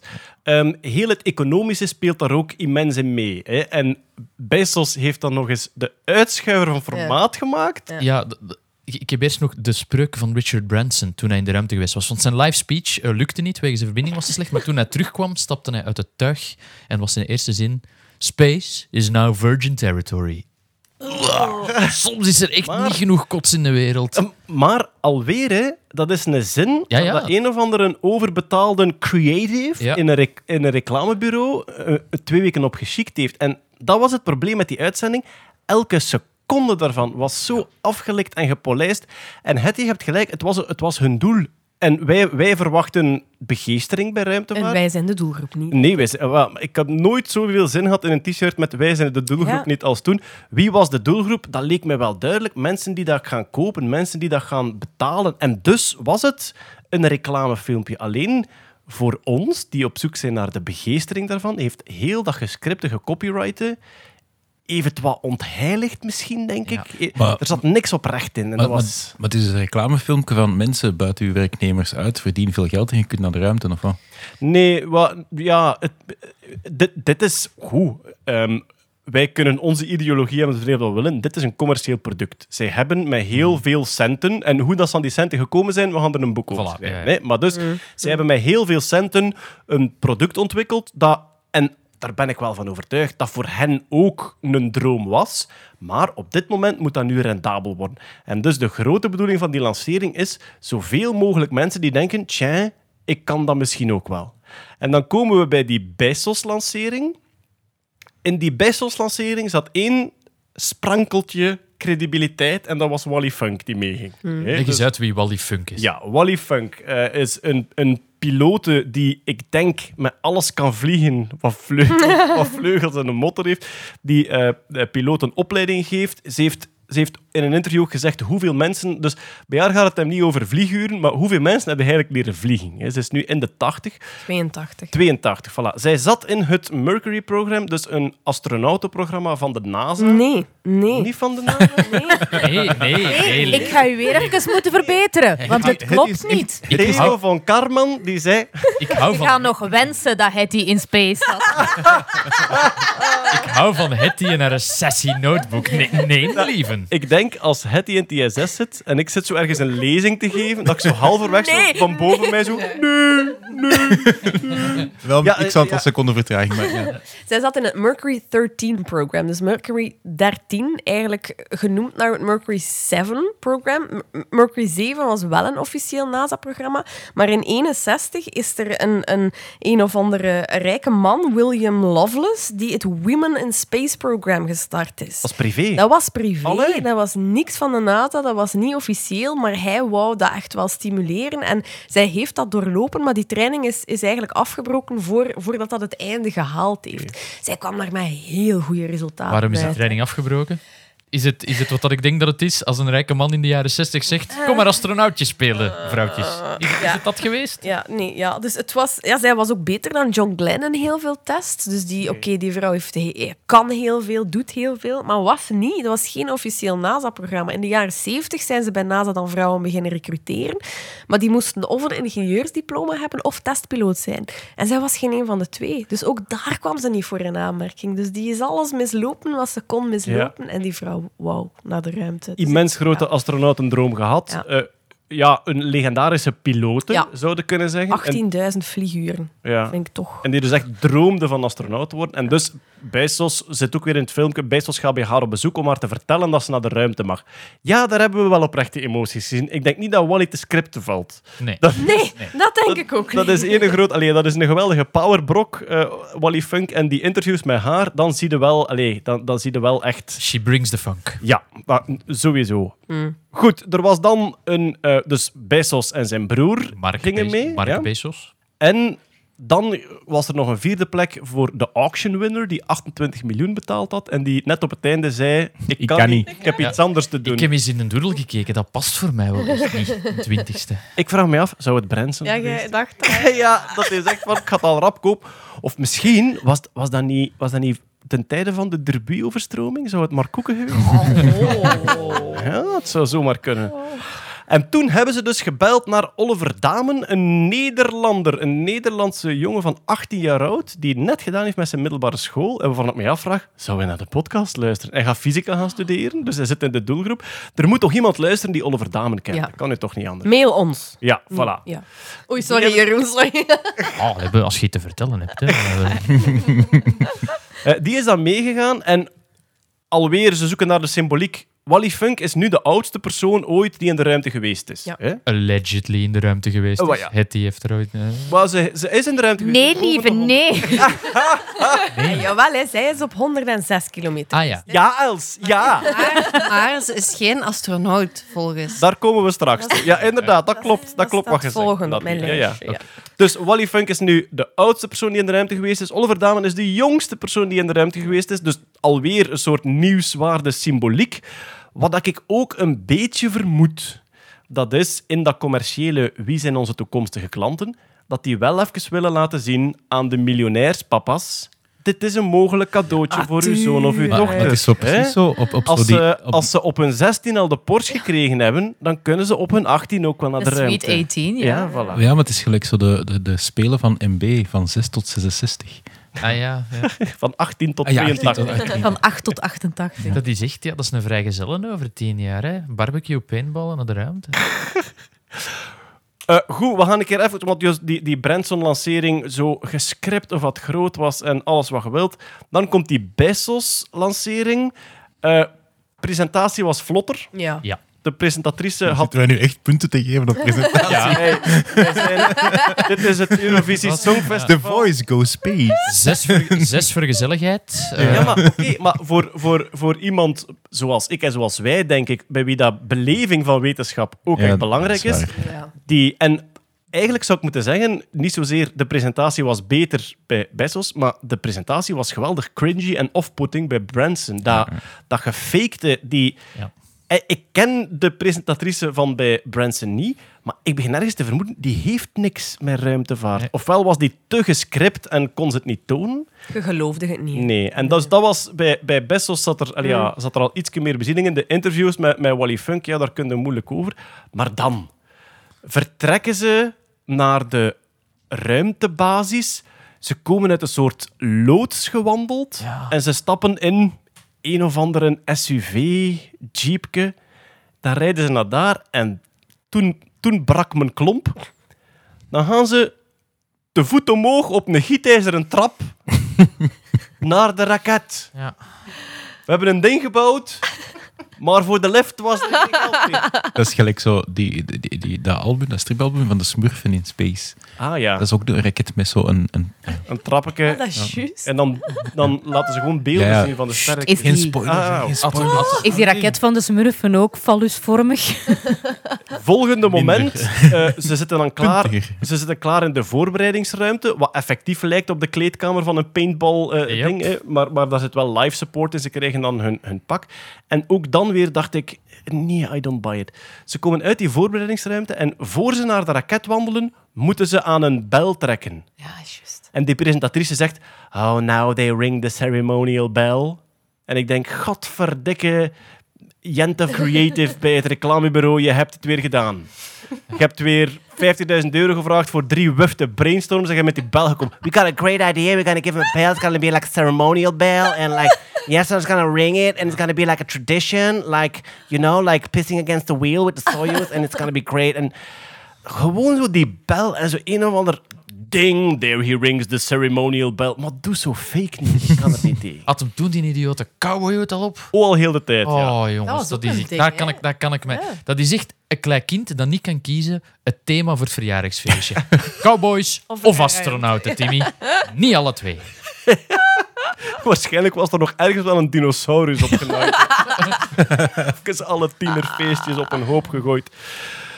Oké, dan zijn ze vertrokken. Ehm, de, ik moet zeggen, de beelden zagen er wel super cool uit. De moment dat ze daar dan hangen.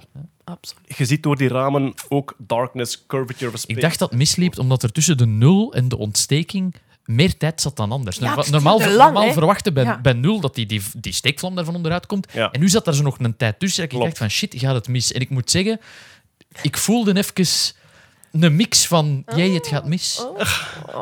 Ik heb, ik, heb één, ik heb één echt bang momentje gehad. En dat is dus de, de raket op hetzelfde systeem als... Al, ja, min of meer hetzelfde systeem als bij Branson, maar nu gaat hij recht omhoog. Hè, dus die gaat echt eh, eh, gewoon verticaal recht omhoog. Ontwikkelt een immense power.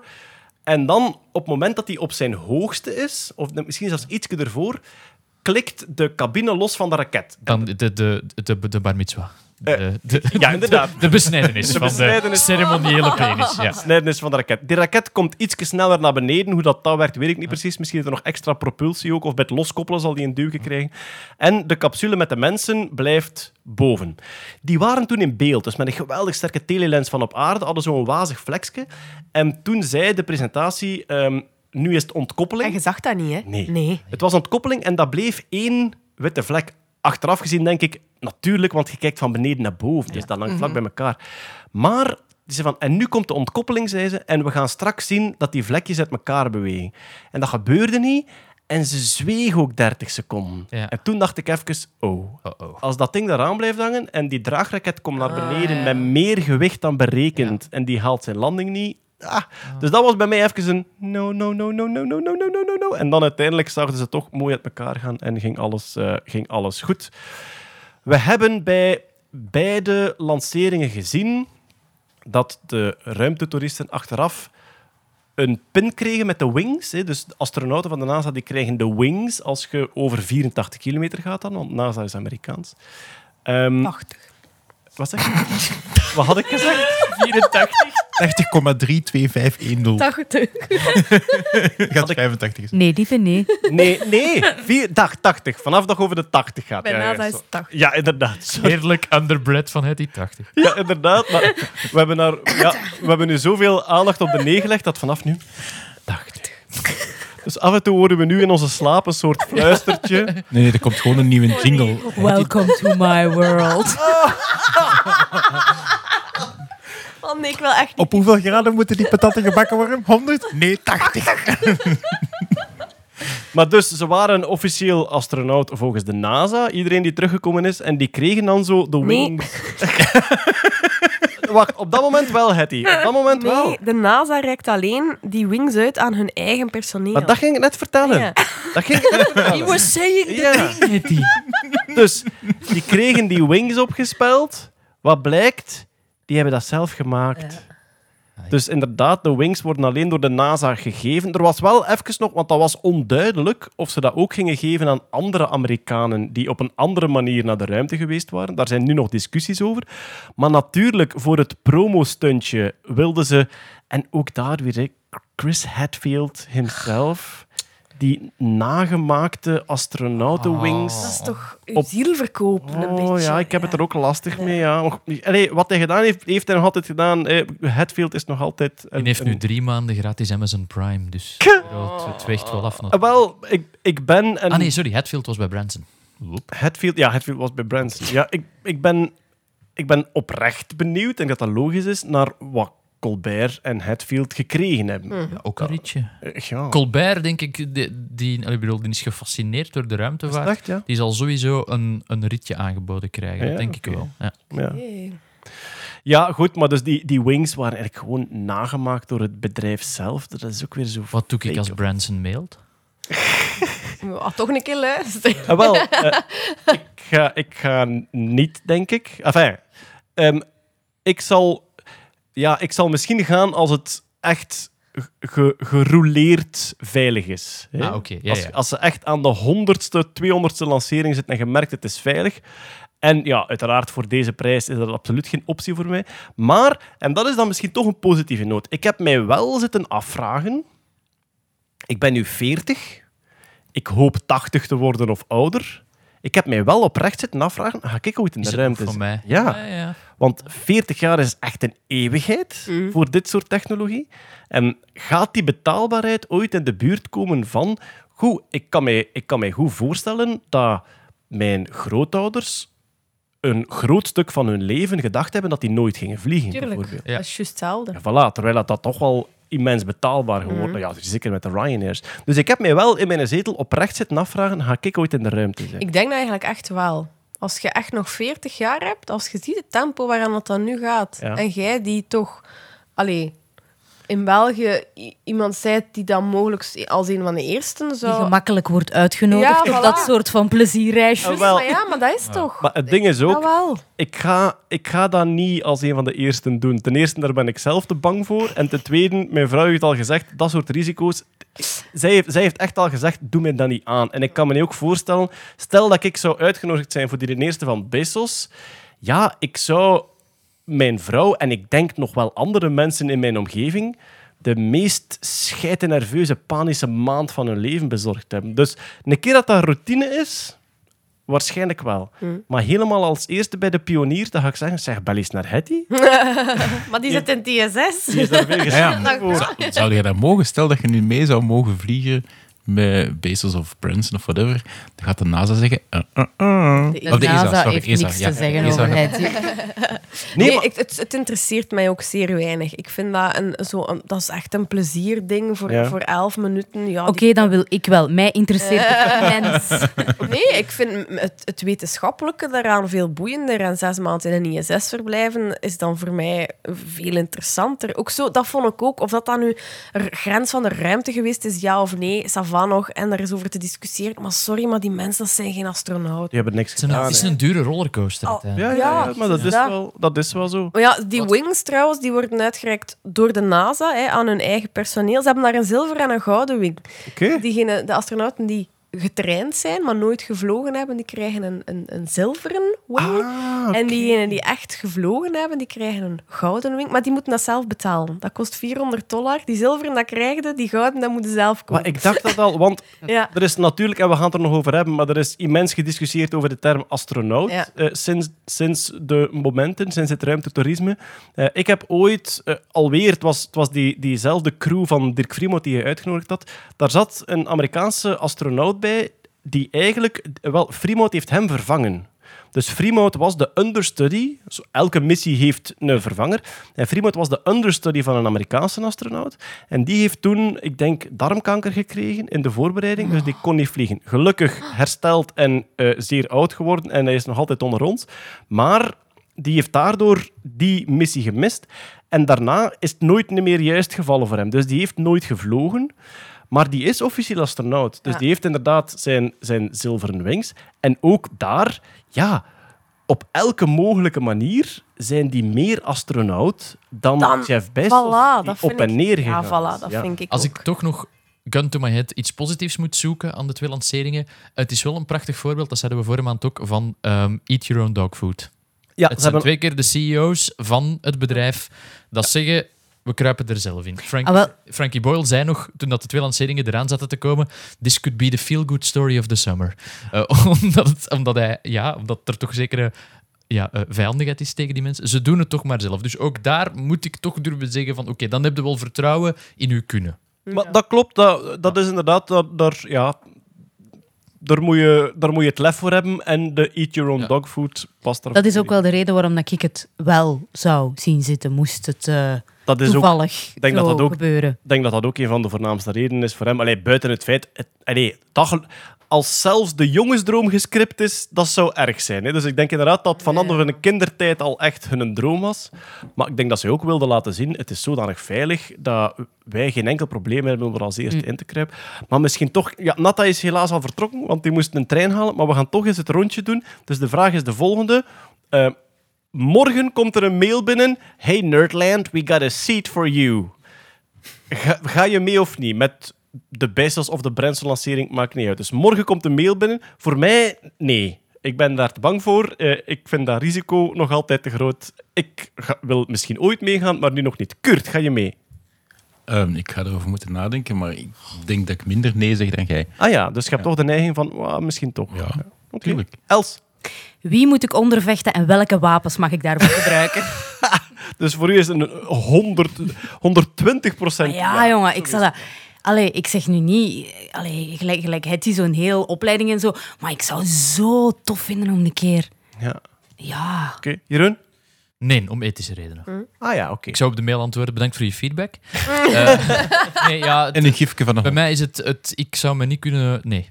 Eh, En dus- Zou de NASA mailen? Ja, direct. Ehm, maar niet met een commercieel eh, bedrijf. Oké, en dus niet zozeer voor of de Nee. beleving of het risico, maar echt voor niet in deze constellatie meedraaien. Dan is op een of andere manier uw naam ook een beetje verbonden ermee en dat wil ik niet. Dus nee. Stel dat je een anonieme passagier bent. Je, Nee. je gaat als Don Diego. Je hebt een hoed op en een snor. Nee. En zo- en zo'n dingetje voor je Ja, ogen. inderdaad. En, en iedereen zegt, "Ah, Jeroen, Don Diego, eh, Zorro was hier net. En, enfin, ja, wat. En je krijgt Ik een ben, tegen ik ben en jouw. Chinese neef niet. ja, oké. Nee, dus voor mij is het een nee. Oké. Ik snap alle argumenten, maar ja. Ik- Ja, ik denk het Ja. wel. Ik Ja, dat had ik wel verwacht. Ja. Ja. Bij mij is het zuiverheid scheidlijzerij. Ik zou de ervaring geweldig vinden. En inderdaad, een keer dat het veilig genoeg is. Nog iets. Dus als ik, als ik het goed begrijp, is het dan een gevecht tussen Hetty en mij over wie het er mag. Ja, voilà. Ja, dat zal modderkatch worden. Ja, oké. Nog een bedenking die ik me gemaakt had, was de ehm, eh, suborbital flight. Hè. Dus je gaat met een raket omhoog en je gaat niet in orbit. Dus je gaat niet snel genoeg om echt cirkeltjes te blijven draaien rond de aarde. Maar je gaat omhoog tot boven de ruimtegrens en dan komt het terug naar beneden. Werd voorgesteld als Musk als een transportmethode. Hij sprak van, ik denk, wat was het, een half uur van New York naar Sydney, dat ze op die Ja. manier konden gaan. Ja, mijn bedenking, vooral bij Branson, was, het is een beetje suborbital flight, of het is, ja, het is echt... ja, Het zijn, ja, jawel, jawel, inderdaad. jawel. Mijn bedenking was, het is een dure paraboolvlucht, maar het is inderdaad eigenlijk een suborbital flight. Ja. Ja, lieve, ja. Blij dat ik eens een ja gekregen heb. Lieve durft er geen kilometers niet meer op plakken. Dat heb ik Nee, nee, dat is op de, de, r- ruimtegrens. ruimtegrens. Iedereen invult zoals hij zelf wil volgens zijn definitie. Ehm zat ik me af te vragen, ehm, zou dat een optie zijn voor die... Voor, natuurlijk, de, de ticketprijs is immens, maar hoe ver zouden geraken met een Spaceship 2 in suborbital flight en zou het een immense tijdswinst zijn? Voor zo van die echt businessmen, voor wie time money is en voor wie 12 uur New York-Sydney miljoenen verlies is tegenover een uur New York. Ja, het is 24 uur, hè, denk ik. Ah, ja, sorry, ja. zoiets, ja. Maar ja, de Concorde vloog altijd eh, eh, Europa, eh, Europa-New York eigenlijk, hè, dus Parijs of Londen. ik denk inderdaad, Londen, New York, dat dat de, de meest rendabele zal zijn. Achteraf vroeg ik mij af, ehm, aangezien dat bijvoorbeeld Blue Origin echt recht omhoog gaat naar beneden, dat die 12, 12 minuten onderweg is. Die, die 12 minuten, de power die je kunt ontwikkelen in 12 minuten, zal waarschijnlijk niet... Ja, 6 minuten, want het is maar de helft. Die zal waarschijnlijk niet genoeg zijn om Nee. van New York naar Londen te geraken. Ja, ik, ik was getagd in een Twitter-conversatie die daarover ging. En er zijn heel tegenstrijdige meningen over. Mensen die zeggen van nee, die, die, dat spaceship haalt dat niet of zo. Of kan niet hoog of ver genoeg. Of heeft niet genoeg power in zijn motorsie. Of la. Ik weet het niet. Ik zou er moeten induiken. Maar ik denk dat dat toch wel in het achterhoofd zit van een aantal van die, van die bedrijven. Om, om intercontinentale vluchten aan te bieden. Het lijkt, een, het lijkt plotseling iets dat... Ja, het lijkt plotseling iets dat wel een economische waarde heeft, buiten de toeristische belevingswaarde wat het nu is. Want nu is het echt, we gaan op en neer en Ja. het is klaar. Nu, ik geloof dat ze wel een experimentje meegepakt hebben en dat de NASA ook af en toe experimenten gaan meesturen. Ik vraag me af... In de cabine van Bezos waren ze pingpongballetjes naar elkaar aan het gooien. Nee, maar Vir- Virgin heeft een, eh, heeft een NASA-experiment meegenomen. Ja. Dus de- allee, ook zo dat het is of commercieel of NASA. Ja, nee, dat gaat ook. gaat. SpaceX vanzelf, hè, die lanceren NASA-astronauten naar het ISS. Dat gaat beginnen samenvloeien. En, Ja, SpaceX is, ge- is geen ruimtetoerisme. hè. nee, nee, Ja. nee, nee, maar laat ze elkaar maar voortsturen, hè, denk ik dan. Allee, ja. Tuurlijk. Nu, ik vraag me af, waarom koopte bij de NASA vier minuten gewichteloosheid bij iemand? Dat is toch iets wat je hebt? Je kunt toch constant dingen naar het ISS sturen? Oké, ja, dat zal veel duurder zijn. Maar ik vroeg me af, en pas op, de kans is groot dat die effectief daar een reden voor hebben, maar ik vroeg me af, waarom heeft de NASA nu nood aan een experiment dat vier minuten gewichteloosheid heeft? Je hebt paraboolvluchten en je hebt een ISS. En bl- ja, blijkbaar zit er nog ergens Misschien een... toch nog een soort van partnership te houden. Misschien is het eerder symbolisch. Misschien is het een soort van... Ja. Zijn ze astronauten of niet? Eh, volgens alle reclamefilmpjes en uitspraken op dat moment uiteraard wel. Hè. Toen was het... eh, there, there, today you became an astronaut, Jeff. En, en was het Branson die zo'n logboek tekende met Ja, oh, astronaut hem 001? Zo. Oh, dat was zo gestunteld. En dan die pen doorgeven. En ik ben astronaut 002. Oh. Dus ze gaan er dan vanuit dat er maar 999 gaan, gaan Ja. zijn of zo. Er komt een, rol, er komt een rollover-event. Was een- dat was een kleine boek. Ja. Ja, dat inderdaad opeens Branson daar terug staat. It's my turn again. ja, sorry. Het was, eh, het was de rollover-event. Dus we mogen gaan naar beneden. Eh, ze komen beneden. Ze zeggen van zichzelf uiteraard dat ze astronaut zijn, want dat zit mee in heel het eh, gescripte dingetje. Maar daar is nu een discussie over gaande. Ah ja, de, de website How Many People Are in Space. Hè? Dus je hebt een website How Many People Are in Space die dan constant een cijfer getoond. En dat is dan drie of zes. Of nu zijn er wat meer, omdat de Chinezen ook eigenlijk permanente Ja, ja, bewoning in de ruimte hebben. En de beheerders van die website die hebben dus accuraat meegetikt met de lancering. Oh, hè. Dus die zijn schoon naar 16 gegaan bij Branson bij de lancering en terug naar beneden op het moment dat ze Oh. beneden kwamen van Apogee. Dus dan, Dat is gek, want dus- dus- Branson heeft geen ziel. Dan kunnen ze die toch niet meten? Dat ging over die pingpongballen. Het was wel, het was wel dedication. Eigenlijk, volgens de oude definitie, ik denk dat er niet meer definitie was van een astronaut dan iemand die in de ruimte geweest is. En dan het enige wat nog overbleef was, ga je voor 80 of voor 100 kilometer. Maar, en ik ben er wel blij om, ze hebben de discussie nu wel geopend. Hè. De, de- ik denk de NASA vooral heeft initiatief genomen van ja, we moeten, we moeten nu echt wel naar een tweedeling. En dat vind ik nu ook wel. Hè. Je moet echt naar een tweedeling. Je kunt niet dezelfde term gebruiken voor die twee dingen. Maar ze zijn er nog niet uit, denk ik. Hè, Hedy? Nee, wel, er zijn Nee. eigenlijk drie instanties die u tot astronaut kunnen benoemen. Hè. Dus de NASA zelf, en zoals ik al zei, die doen dat alleen met eigen personeel. Ja. Het Amerikaanse ministerie van Defensie doet dat ook. Hè. Het leger, ook alleen met eigen personeel. Maar dat hoeven dus niet raketvluchten te zijn. Dat kunnen ook echt Space planes. ja, ja, planes zijn. Hè, Er zijn ooit vliegtuigen. space planes ja, ontwikkeld. Ja, Ja, inderdaad. Dus daar zijn er een aantal die dat gekregen hebben. Dus als jij niet werkzaam bent bij de NASA of bij het Amerikaanse ministerie van Defensie, dan was er nog een derde optie. Dat is de Amerikaanse luchtvaartautoriteit, de FAA. Ah ja. Die, Dat is ja, wat dat hier belcontrol zou zijn. zoiets. zoiets. En Belcontrol. Tot, tot voor de lancering van, van, eh, van Bezos eigenlijk, eh, moest je aan drie dingen voor, voldoen. Dus je moest een training gevolgd hebben. Maar ja, of dat nu een dag of vier jaar duurt, ja. Hè, wat is een training? Je moest boven de 80 kilometer geweest zijn. En ook, je moest personeel zijn van het bedrijf dat de lancering doet. Ah, Dus Wally Funk, die meegaat met Blue Origin, kwam eigenlijk niet in aanmerking. Allee. Want die was geen personeelslid En, allee, ja, dus dat was het ding. Ja. Maar wat ze daar nu aan toegevoegd hebben, is eh, je moet ook een activiteit doen die de veiligheid van menselijke ruimtevluchten bevordert. Dus je moet toch iets van nut bewezen hebben Ja. in je toestel. Maar dus voor Wally Funk, want die, die Blue Origin raket, allee, daar zijn ze heel open over, die had geen piloot. Die moesten daar eigenlijk gewoon maar in dat stoeltje zitten. Rijden, hè? Gordelos. eh haha, leuk. Wat eh, zei en over terug. een blok kaas. Zo. Ehm, maar dan is er nog een uitzondering bij de FAA voor mensen die echt een uitzonderlijke bijdrage geleverd hebben aan de ruimtevaartindustrie. Dus wie weet kan zij dan toch nog... Ja, zou die er niet in staan voor Bezos en, en Branson? Eh? Zou die zijn er daar dat niet voor in staan? toch... Dat Oh. zou, ja, Ik, ik weet het niet. ik denk, allee, voor, voor mij lijkt de beste optie dat je gewoon een nieuw woord verzint voor ruimtetoerist. Want die mensen willen iets legendarisch zijn of meegemaakt hebben. En ik gun ze dat wel. Maar je kunt dat nooit op niveau zetten Nee. van de astronauten van het ISS. Dat je een nieuw Dus- woord verzint voor ruimtetoerist. Wat denk je van het woord ruimtetoerist? Ja, maar daar gaan ze geen 230.000 euro voor betalen. Dus dat je daar inderdaad iets voor... Ja, dat je daar een soort term of titel voor... Spacewalker. Ja, Nee, nee, nee, want daar heb je ruimtewandeling gedaan. Ruimtevaarder zou je nog kunnen zeggen. Ja, ik ben Kom een ruimtevaarder. voor, Je bent er effectief naartoe geweest. Hè. Ja, je hebt Ru- niet- ja. Ruimteverstekeling. Ja. Nee, ik vind, dat vind ik echt heel lastig. Ze mogen van mij doen wat ze willen en ik heb er bewondering voor, maar dat zijn geen astronauten. Nee, Sorry. absoluut. Ook, dan dacht ik, ja, misschien moeten we het gewoon moeten we een tijdsduur opzetten. Maar dan dacht ik, ja, als je zo zes, zes dagen in een ruimtehotel gaat verblijven als toerist, ja, dat dat gaat ook niet werken. En als je er een tijdsduur op zet, dan gaat er weer mensen dat er gelijk zes dagen en een seconde blijven om de kantjes dat, ervan af te lopen. dat. Dat- Maar ja, Kijk, het is een discussie die nu nog maar net begonnen is. Mm. We staan wel degelijk aan het begin van een nieuwe industrie. Een nieuw tijdperk kunnen niet zeggen, want in elk mogelijk opzicht is dit een, een, een, een schaduwtje van wat ruimtevaart is. Maar het is natuurlijk wel in het eh, openstellen voor de consument is het wel een nieuw tijdperk.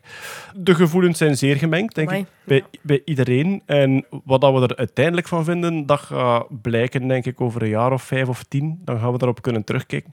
Maar Je zijn nog twee grappige tidbits vergeten in de kantlijn. De 18-jarige die is meegereisd met Jeff Bezos zou allegedly tijdens het opstijgen gezegd hebben dat hij nog nooit iets op Amazon gekocht had. Waarop eh, Jeff Bezos zou geantwoord hebben: Wow, it's, uh, it's been a while since I've heard somebody say that. Ja, en ik ben, er vrij, ik ben er vrij zeker van dat iedereen bij bol.com dacht: Oh, die muil, Oliver. Godverdomme. Hij is België en Holland vergeten en laat het hebben ze. Want ja, Amazon, voor Amazon, België en Holland bestaan niet. Amazon- Amazon.nl is eigenlijk Amazon Duitsland. Ah, wel, we moeten DE, zo gezegd. ja. Ja. De Walen wel. Dus de Walen kopen massaal bij Amazon Frankrijk. En om een of andere reden zijn... Dus eigenlijk, de hele wereld is in de macht van Amazon. De hele wereld? Nee. Eén klein dorpje biedt weerstand. Eh, eh, Eén klein dorpje met een hele slechte postservice. Ja. Vlaanderen en Nederland is het Asterix en Obelix dorp van de pakketjesdienst. Wij zijn de enigen die nog bij... bij En de andere grappige tidbit is eh, Jeff Bezos, die in de persconferentie achteraf, die duidelijk, ik heb het gisteren goed- goed uitgelegd, moest zeggen: Ik wil al mijn werknemers bedanken voor het harde werk. En klanten. En klanten, maar die daar er iets anders uitflatert in de zin van: I want to thank all the, the Amazon eh, employees and customers, because draait zich om, wijst naar de raket, you, you paid for this. Wat dat ongelooflijk onsensitief overkomt. Maar dat was- Enorm- dat was ja. pijnlijk. Daar zat ik echt naar te kijken en dacht van, ja... Ook omdat, je, ook omdat je onmiddellijk ziet wat hij had moeten zeggen. En dan... En dan besefte opeens... Ja, al die afgelekte, pre-gescripte shit bij Branson was precies om dat te vermijden. Absoluut. Omdat Maar dit was toch gewoon... Ik mag één ding niet zeggen. Ik mag één ding niet zeggen. Ik mag één ding niet zeggen. Up, eruit. Shit. Maar ja, inderdaad, die zin, die zin was... Ja, perfect is een groot woord, maar volgens mij, die zin was exact wat hij wou, had hij gezegd.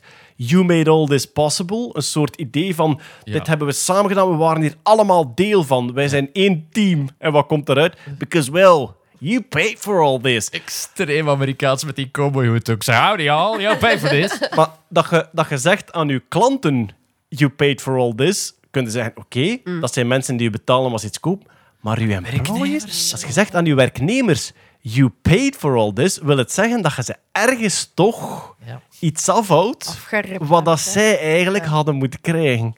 Ja, dat was Dat inderdaad... was, dat was een pijnlijk moment. Dat was een beetje de eh, small step for man, great leap, for giant leap for man. A great leap for money. Ehm, even, nog- even terugkomen op de definitie astronaut. Aan, een beetje aan het kijken. Er zijn drie termen. Je hebt astronaut, wordt inderdaad gereserveerd voor trainingen en serieuze en wetenschappelijke en bijdragen en toestanden NASA. Eh cosmonaut en zo valt ook onder. Ehm, en dan heb je de commerciële astronauten, dat zijn de Bezos'en en, de, en de Bransons. En eigenlijk degenen die dat gewoon betalen, dat zijn echt eh, space toeristen. Dus je hebt de drie, je hebt de drie delen. Ik dacht Dus de mensen- Spaceman. Zoals David David Bowie, Spaceman. Ja, maar, ja, dat is een beetje de, de driedeling dat er is. Ja, maar ze krijgen wel die, die astronaut wings opgespeld nog altijd. Ook als je als commerciële... Ze hebben het zichzelf ruimtetoerist- opgespeld. Ja, nu dat- in dit geval wel. Maar We hebben ook een 3D-printer. Ja, dat is ja. De, de FIA, dat is toch, hè? FIA? Of- FAA. Nee, lieve, nee, de FIA. FAA? FAA? Federal, Jezus, script, het Nee, nee, nee.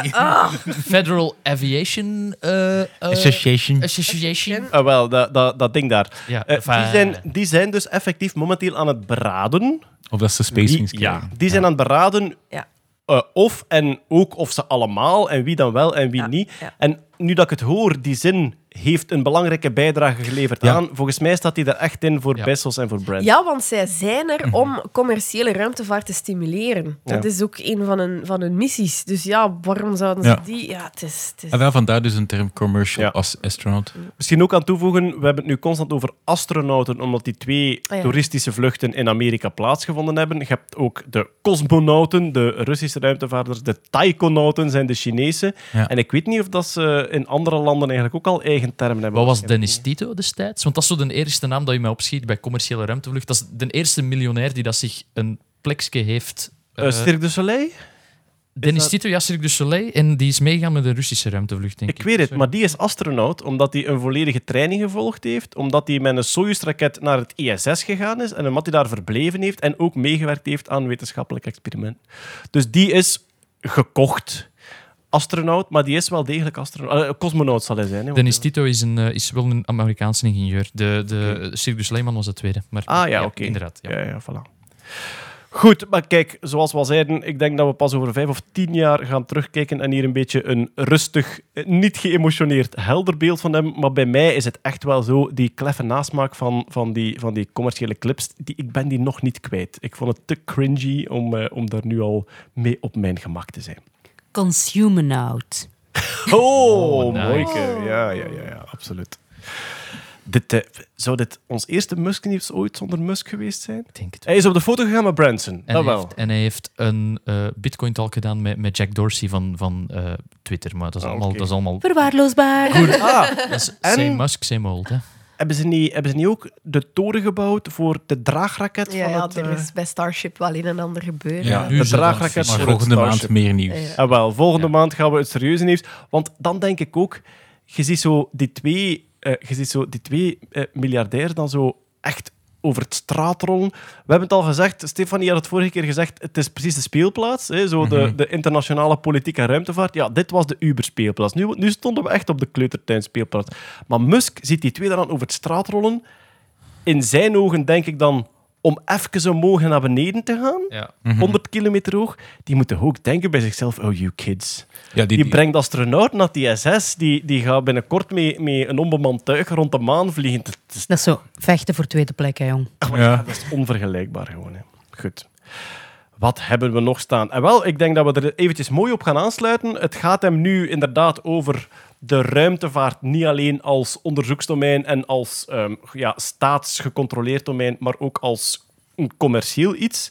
Het ISS moet daar ook naartoe, heeft Amerika beslist, heeft eh, ja, de, de NASA dan ook aanvaard. Een deel van het ISS zal commercieel gebruik zijn. En Jeroen, de prijslijst staat online. Eerste voorlopige prijslijst met een ruwe schatting van wat het kost om commercieel in het ISS te verblijven. Belangrijke caveat, het is zonder vervoer heen en terug. Dat is een significante kost, maar het is dus zonder vervoer. Maar ik heb eens puur de denkoefening gemaakt. Wat als we de Nerdland-podcast zouden opnemen op het ISS? En ik heb ons een weekend gegeven. Omdat, ja, twee dagen dus. Eh, goed nieuws. De baseline support in het ISS is gratis. Dus live support, laptops, Internet? Internet 12 gigabyte per persoon per dag, eh, Kurt. Dat is Hola. hopen dat er geen de update... Dat weet ik niet, maar ik hoop dat er geen updates van Call of Duty zijn. Maar de, zuur, de zuurstof is... De zuurstof is van de verniet. Ja, als je- dat is, dat is oké. Gratis zuurstof. Kom nu naar het ISS. Gratis, gratis. Maar dan, eh, en ook alle toestellen dat je daar gebruikt, een laptop die daar is en zo, dat kun je vandaar gebruiken. Dat is gratis. Maar dan, voedsel. Eh 2000 dollar per persoon per dag. Maal 11 personen, want Poncho komt mee en ik reken hem als een volwaardig mens.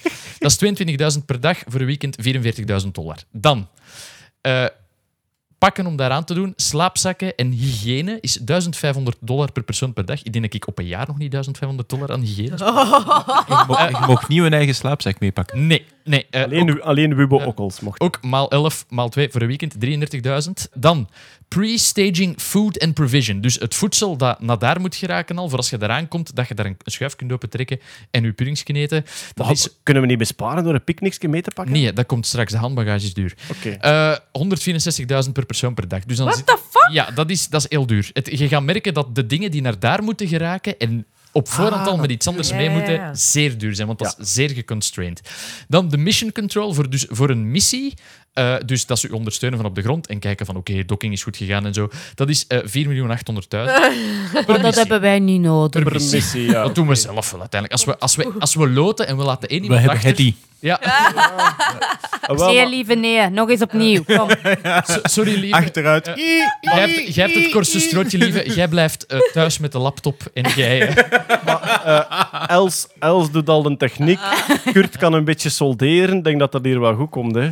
Dan, spijtig genoeg, eh, nog een dure kost, eh, 5.200.000 euro voor. Daar gaan op bepaalde momenten gaan daar zowel commerciële als niet-commerciële activiteiten plaatsvinden. En de tijd Is dat die zo dat je- dansen of zo? De, de, tijd, de tijd die dat je inneemt van de astronauten die daar aanwezig zijn, om het aan u uit te leggen, zo met de afkoop, dat kost u 5 miljoen per missie. Damn. Omdat je gaat, allee, je, gaat die Crisper, mensen, je gaat die mensen dingen vragen. Hè. Dan de bagage. Ik heb gerekend op ieder man een kilo. Want, zoals ik al zei, dingen op en neer bewegen van een naar station enorm duur. Het is eh 400.000 euro per kilogram Damn. op. En gek genoeg, dat gaan we moeten verklaren, bagage dat je terug- mee naar beneden neemt, Ja. is dubbel zo duur. En Dan laten we dat natuurlijk, ginter, hè. Is dat gelijk- logisch? Dat, er, er wordt heel veel afval gewoon opgebrand in de atmosfeer. Ah, voilà. Ja, voilà. Ja, dus dat is de- dingen die heel huids naar beneden moeten Ja. komen zijn Ik duur. zou wel mijn space ondergoed goed terug willen meenemen naar huis. Uw personal containment unit mag 48 centimeter op 41 centimeter op 22 centimeter zijn. Dus zo Ryanair-gewijs kun je dat thuis eh, ja. uitrekenen. En dan kom ik voor een totaal verblijf op het, op het eh, International Space Station voor 11 man, dus 10 plus een hondje, op 14.885.000 euro. Dat is een schatting die er in grote orde waarschijnlijk nog naast zal zitten, want er zijn zoveel hidden costs en zonder vervoer. Zonder Zeer vervoer, want belangrijk. dat is het. Hè. Zeer Dus- belangrijk. Heel belangrijk. Zit daar, zit, daar, zit daar naar het wc gaan in? Ja, eh, de- in bepaalde dingen van die... eh, er, dus dingen die je daar de ruimte inschiet, dat zit ondertussen dat zit mee in die crewtime. Ah ja. Dus dat is ook toilet time daar. Dat, eh, Basisbehoeften, ja. Absoluut, ja. Maar oké, ja, zonder vervoer zou ik zeggen, bel maar Koeken, zeg. Ja, dat is waar. Mark, Ja, 14 een miljoen, dat kun je ja, ja. Maar er zijn sowieso, het is een voorlopige tabel, er zijn sowieso nog hidden costs die niet zijn meegerekend, Ja. of dingen waar ik niet aan denk. Dus voor genoeg geld laten we ons sponsoren door één der twee. Ja, voor 14.000 ja. Maar ik ben nu echt benieuwd, want het is echt zo gewoon even tonen van kijk, dit is gewoon Ja, de kost die Het wij is- willen. Ik heb heel hard de indruk van de tabel dat het een grote orderraming is. Dat Ja. mensen die daar daar over vijf jaar aan willen denken van we willen eh, bijvoorbeeld Tom Cruise naar de ruimte Ja. gaan, die heeft deze documenten waarschijnlijk al lang. Dat Tuurlijk. zal in de planning zijn. Maar nu, ja, het is ook voor de NASA nieuw om daar een prijs op te plakken. Hè? Want ja, Ja. je gaat naar boven, je gaat daar astronauten die echt werk aan het doen zijn lastigvallen. Ja, hoeveel van die tijd kost dat? Eh, die moeten nu uitleggen hoe dat de wc werkt. Ja. Dat, allee, dat, ik moet wel zeggen, het is echt wel een back-of-an-envelope berekening. Het kan zijn dat ik er nog een grote orde maal 10 of maal 100 naast zit, maar we spreken miljoenen, niet miljarden, Ja. om een commerciële missie. En ja, zonder het vervoer. Hè. Dat, dat zal van de komende jaren afhangen hoe goedkoop dat we naar daar Het zal van gaan. Branson en Bezos afhangen. Maar ik ben We, echt... wa- we wachten op, we wachten op Ryanair Galactic om wat tijd zo. te besparen. Het zal van Musk afhangen, vrees ik. Maar eh, ja, alhoewel, Bezos heeft ook echt die ambitie hè, om naar de maan te gaan of naar de ISS te gaan. Ik zal Ehm, de prijslijst in de show notes zetten op uh, podcast.nederland.be. Voor de Dan kun zelf eens berekenen. Ik ben echt, echt oprecht benieuwd wie dat, dat als eerste commercieel... En dus niet alleen Ja. als toerist, maar ook echt commercieel. Ja, een film inderdaad is het Ja. logischste. Ja, ik denk dat dat een... Misschien een ander miljoenenproject of Reclame. iets. eh, ja, reclame. zo. Ja, een zotte, een zotte productstunt, ja. Oké.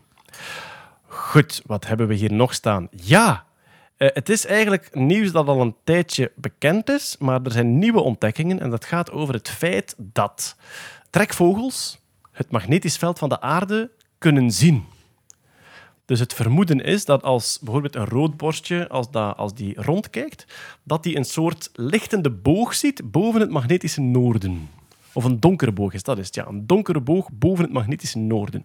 Dus het magneti- een heel licht magnetisch veld dat invloed heeft op, op het netvlies, waardoor als je rondvliegt, dat je gewoon een kompas hebt in je zicht. Dat is nu verder onderzocht. Gelijk zo'n HUD-display in videogames. Ja, ja, ja, effectief. Ja, dat is, ja, dat, dat is een, een, ehm, een eh, heel grappig onderzoek geweest ook, want om dat te onderzoeken hebben ze een roodborstje een wazige bril gegeven. Och, arme. Omdat alles dan zo... En die foto's van een roodbordje met een wazige bril zijn echt fantastisch. Dat zijn die gisten, die, die kwakken zo tegen een ruit en die moet je zo een beetje water en brood geven. Ja, voilà, Oh. inderdaad.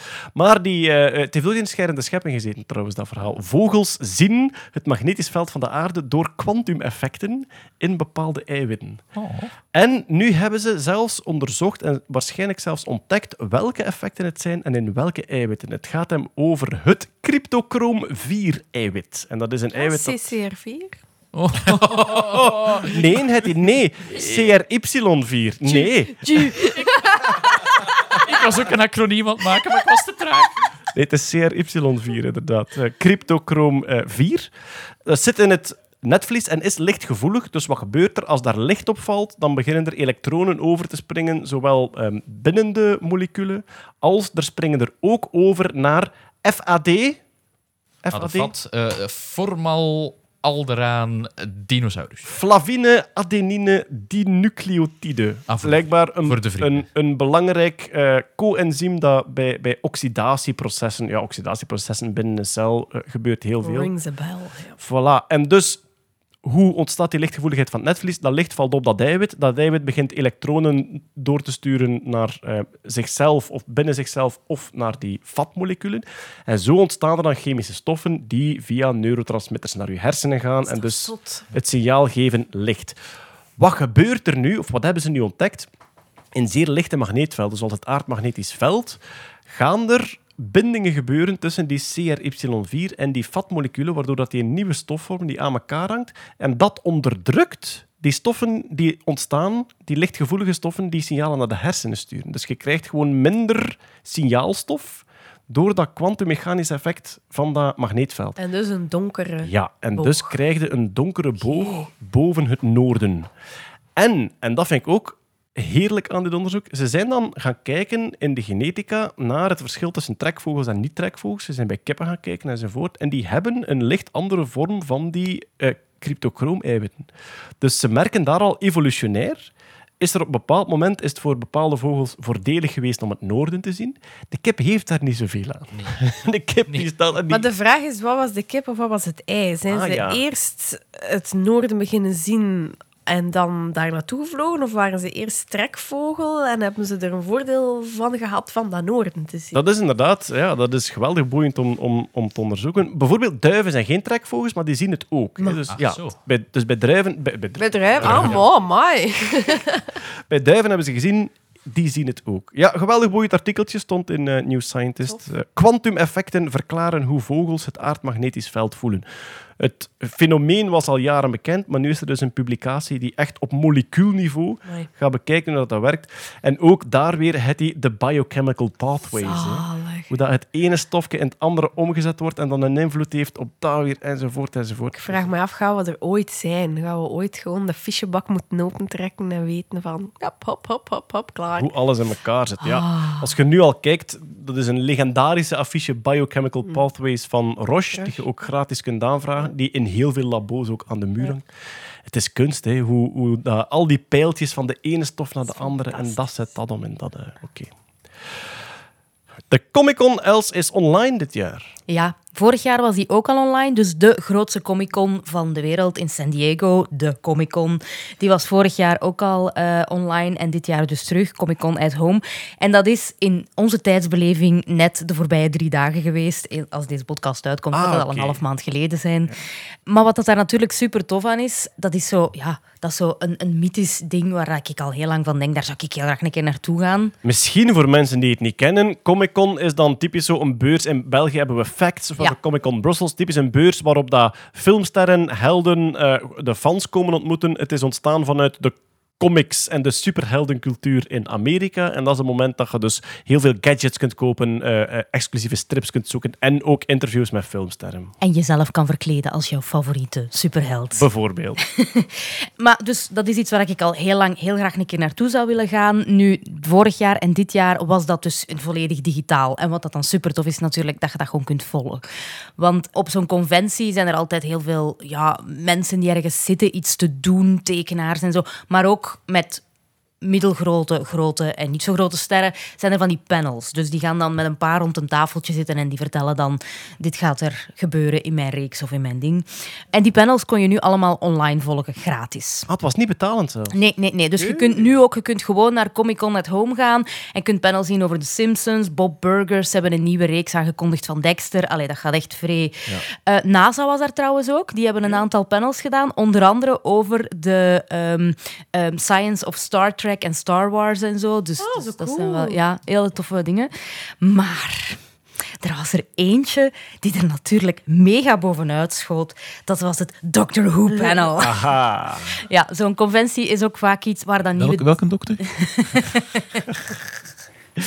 Dat is vaak iets waar dat nieuwigheden worden aangekondigd en zo. En het seizoen 13 komt eraan. Dus er is een nieuwe trailer gereleased, wat dat er gaat komen.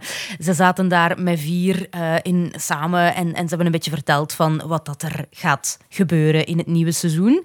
En wat ik dus al heel hard hoopte, wat ik in het vorige seizoen een beetje miste, toen waren het zo meer zo allemaal aparte kleine verhaaltjes. Ja. En ik miste heel erg de, de grotere bogen. de- Story arc. ja, Zo, dat je zo telkens een, wel een verhaal op zich hebt, maar dat toch eigenlijk deel is van een groter geheel. En er is nu beloofd in het nieuwe seizoen, dat is waar dat ze voor gaan. Dus door heel eh, corona hadden ze eigenlijk ja, de mogelijkheid, allee, twee kansen blijkbaar. Ze konden oftewel hele kleine dingetjes maken op één locatie met altijd dezelfde monsters, of ze konden voor één keigroot verhaal gaan. En ze hebben dat tweede. Ah, nice. Yes! Dat is, is nu al met de nieuwe dokter of ik ben nog eens Nee. seizoen Ah, wel, het is Jodie Whittaker. Ja, het is Ehm, oh. dokter. er, is, er, is- er zijn heel veel geruchten dat dat laatst is, maar ik weet niet wat al bevestigd is. Het is niet bevestigd, maar als de, ja, als de normale gang van zaken wordt aangehouden, zou dat inderdaad na drie seizoenen is het meestal een turnover. Beste luisteraars, hier volgt een mededeling vanuit de montagekamer. Dit is Els vanuit de montage. Zoals elke Hoevien weet, tijd is een grote bal wibbly wobbly timey wimey stuff. En intussen is het dus bevestigd dat Jodie Whittaker inderdaad na het komende seizoen zal stoppen met Doctor Who. Dat er een nieuwe dokter komt dus. Maar ook Chris Chibnall, de showrunner, gaat na dit seizoen de toorts doorgeven. Wat jammer is voor de mensen die fan waren van zijn soort verhalen. Maar wat dan natuurlijk hoera is voor de mensen die terug liever ander soort verhalen zouden hebben. Waaronder misschien ik wel. Wanneer is de release van het nieuwe seizoen? Ah, wel, dat weet ik nog niet. Dat is nog niet precies. Maar het gaat wel maar acht afleveringen hebben. Dus het gaat wel een, een mini-seizoentje worden. Ik heb liever minder afleveringen die steengoed zijn Ja. dan heel veel afleveringen die wat slappers En ze gaan ook een sprongetje maken in de tijd. Dus het gaat niet gewoon Maar dat is verder raar dat we- voor Doctor Who. Maar ook in de belevenis van de dokter. dus je gaat niet gewoon verder waar dat ze gebleven waren. Maar ja, ze zijn al een beetje verder onderweg. Oké. Eh, voilà, ja, dat dan eigenlijk. Alright. We gaan een beetje in de ruimte blijven, maar dan in de echte ruimte in plaats van in de fandom-ruimte. Voor dit nieuws. De Curiosity rover op Mars, dat is niet de meest recente, maar die er al eh, een paar jaar is. De Curiosity rover op Mars heeft mogelijk een alienscheet geroken. Ik volg het theorema van eh he who smelt it, dealt it. dus ik denk... Dat hij zelf geprot heeft. Voor mij riekt dat vooral naar die nieuwe gaat hier met alles lopen. Volgens, ik denk dat ik iets geroken heb. Dus wat is er eigenlijk gebeurd? De Curiosity rover die analyseert ook de eh, atomen en moleculen in de lucht, in de atmosfeer van Mars, de hele ijle atmosfeer. En die, die vindt daar af en toe methaan in. Waarom is methaan een geweldig boeiend molecuul? Omdat methaan heel snel afbreekt. Eh, Met heel snel in ruimtetermen wil dat eigenlijk zeggen, na 300 jaar zonder een methaanbron, na 300 jaar zou al het methaan moeten verdwenen zijn uit de atmosfeer. En het feit dat daar nog methaan hangt, wil zeggen dat er ergens een methaanbron is. De meeste methaanbronnen die wij kennen op aarde zijn biologisch. Eh, methaan is een heel duidelijk bijproduct van leven, zoals wij het kennen op aarde. En ja, we kennen geen andere vorm, dus daar gaan we even van uit. Er zijn ook koeienscheten op aarde is de... Ja, voilà. Dat is een heel duidelijke methaanbron. Maar ook gisten bijvoorbeeld, hè. Oké. Ehm, er zijn ook geologische methaanbronnen bekend, maar die zijn uiterst zeldzaam. En die hebben, ik denk, geloof ik, eh, eh, water dat op lava komt. Dus zo heel hoog verhit zo water. trapped bubbles, zo, die dan langzaam... Die methaan die in de Ja. permafrost zit, ja, Ja. inderdaad. Ja. Ehm, maar die komt door biologische vergistingen van miljoenen jaren geleden. Juist. Net zoals de aardolie. Ehm, ja, er zijn ook geologische methaanbronnen, maar die hebben vloeibaar water nodig. Dus blijkbaar, gelijk welke bron dat dat heeft, het is boeiend. Ofwel is het boeiend omdat er vloeibaar water is of geweest is. Het zit misschien ook gevangen van lang geleden. Ofwel is het mind-boggling en is het effectief eencellig van oorsprong. Of sensorfout. Allee, als het zo lang geduurd heeft om dat te detecteren, want die rijdt er al een tijd rond, denk ik ook van... Nee, die heeft altijd, die, heeft altijd Ah, ja. die, ja, die hele lage waarde. En dan spreek ik over 0,5 parts per million. Dus Ah, ja. eigenlijk 1 part per 2 miljoen. Heeft hij een soort basismeting, basiswaarde gehad. Alleen wat bleek, daar kwamen pieken in. Ach zo. Dat steeg opeens, dat ging 20, 40, 40 keer hoger in, naar, naar 10 ppm, naar 20 ppm. En daarom spreken ze van alien farts. Blijkbaar bubbelen er ergens methaanwolkjes uit de bodem en komen die langs de Curiosity. Nog iets geweldig mysterieus, daar hangen satellieten boven Mars die de atmosfeer ook analyseren en die vinden geen methaan. En dus dachten ze inderdaad, dat moet hier een meetfout zijn. Ja. Wat blijkt? Die satellieten meten overdag en de Curiosity meet enkel s'nachts als er geen andere toestellen draaien, dat er veel elektriek over is. The farts come out at night. Aha, en dus zonlicht breekt dat af. Allee. En dus dachten ze, zeg, doe een keer een metingsje overdag. Dat hebben ze gedaan en effectief overdag meet de Curiosity ook niks. Dus, aliens fart at night. Ja. En hebben ze Maar- dan ook s'nachts laten meten? Ja? Nee, dat gaat niet. Die hebben zonlicht nodig. om meten. Nee, nee, op een of andere manier kan alleen de Curiosity scannen. Je verdenkt die echt van diva-gedrag. Just saying. Maar dus, waar komt het op neer? Omdat ze die pieken vonden en omdat het enkel s'nachts ontstaat, is de conclusie: Curiosity staat vlakbij een methaanbron. Het bubbelt ergens in de buurt op. En ze hebben nu door allerlei eh, driehoeksmetingen van de, van de voorbije keren dat het waargenomen is, hebben ze gevonden. Het zit waarschijnlijk tussen de 10 en de 20 kilometer van de plek waar Curiosity nu staat. En dus de volgende opdracht is, ofwel Curiosity zelf, of misschien ooit een ander ruimtetuig, daar even naartoe rijden. Volg de scheetjes. Ja, en ik denk dat Curiosity er, er naartoe gaat rijden. Dus ze gaan nu naar de, de bron van de Protekes leiden. En Als er nu één naam voor een robot is om naar Proton te gaan, dan is het wel de Curiosity. eigenlijk rijdt hij very curious, Ja. curiously naar de anus van Mars. Dat is echt, snif, is- snif. Maar dat is nou curieus. Maar dus goed, de kans, zoals altijd, hè, de kans dat dit biologisch van oorsprong is, is geweldig klein. Ja, maar stel... Maar als het zo is, is het gewoon echt Allee. shocking. Dus het is nog altijd een beetje spannend als dat gemeld wordt. Kijk, Ik denk sensorfout. Ik denk nog altijd sensorfout. Ja, Pieter van Doren van, van, van De Standaard, die ook dat boek geschreven heeft, en nu naar Mars, die eh, een, een volledige carrière in de wetenschapsjournalistiek gedaan heeft, die zegt wel dat de NASA ehm, heel strategisch communiceert met sensationeel nieuws als er nieuwe funding gestemd moet worden in het Ja. Amerikaans parlement. Dus dat heb ik niet in de gaten. Wat de politieke situatie is, weet ik niet. Misschien is het weer zoiets eh, dat ze heel gericht moeten communiceren. Maar ik vond het toch spannend. Ik Dus heb het iets- feit dat Curiosity ineens in the middle of everything staat, is toch niet zo uit. Jij blijft het psychologisch duiden. Maar ik hoop dan ook, Jeroen, gelijk dat gezegd, dat het ergens iets is wat toevallig ontsnapt uit Curiosity zelf. Want dan is het effectief Ja. eerst geroken, wolken ontstoken. Ja. We hebben nog één iets staan en dat is Pegasus is vrij groot in het reguliere nieuws geweest. Dus Pegasus eh, is een ja, spionagesoftware die gewoon niet eens op het dark web, maar die eigenlijk vrij regulier verkocht wordt van een privébedrijf aan overheden. Een privé-Israëlisch bedrijf die spionagesoftware verkoopt. En dat is nu een, een, er is een eh, klantenlijst gelekt, welke landen dat daarvan gebruik maken. En dan heb je de usual suspects, genre Verenigde Arabische Emiraten, eh, Oman, dat soort dingen. De vrouw van Kamal Khashoggi, de Ah, ja. journaliste Ah, die in de Turkse ambassade eh, Ja. ja. in stukjes gesneden is. Goeie eh, film ook, De Dissident daarover.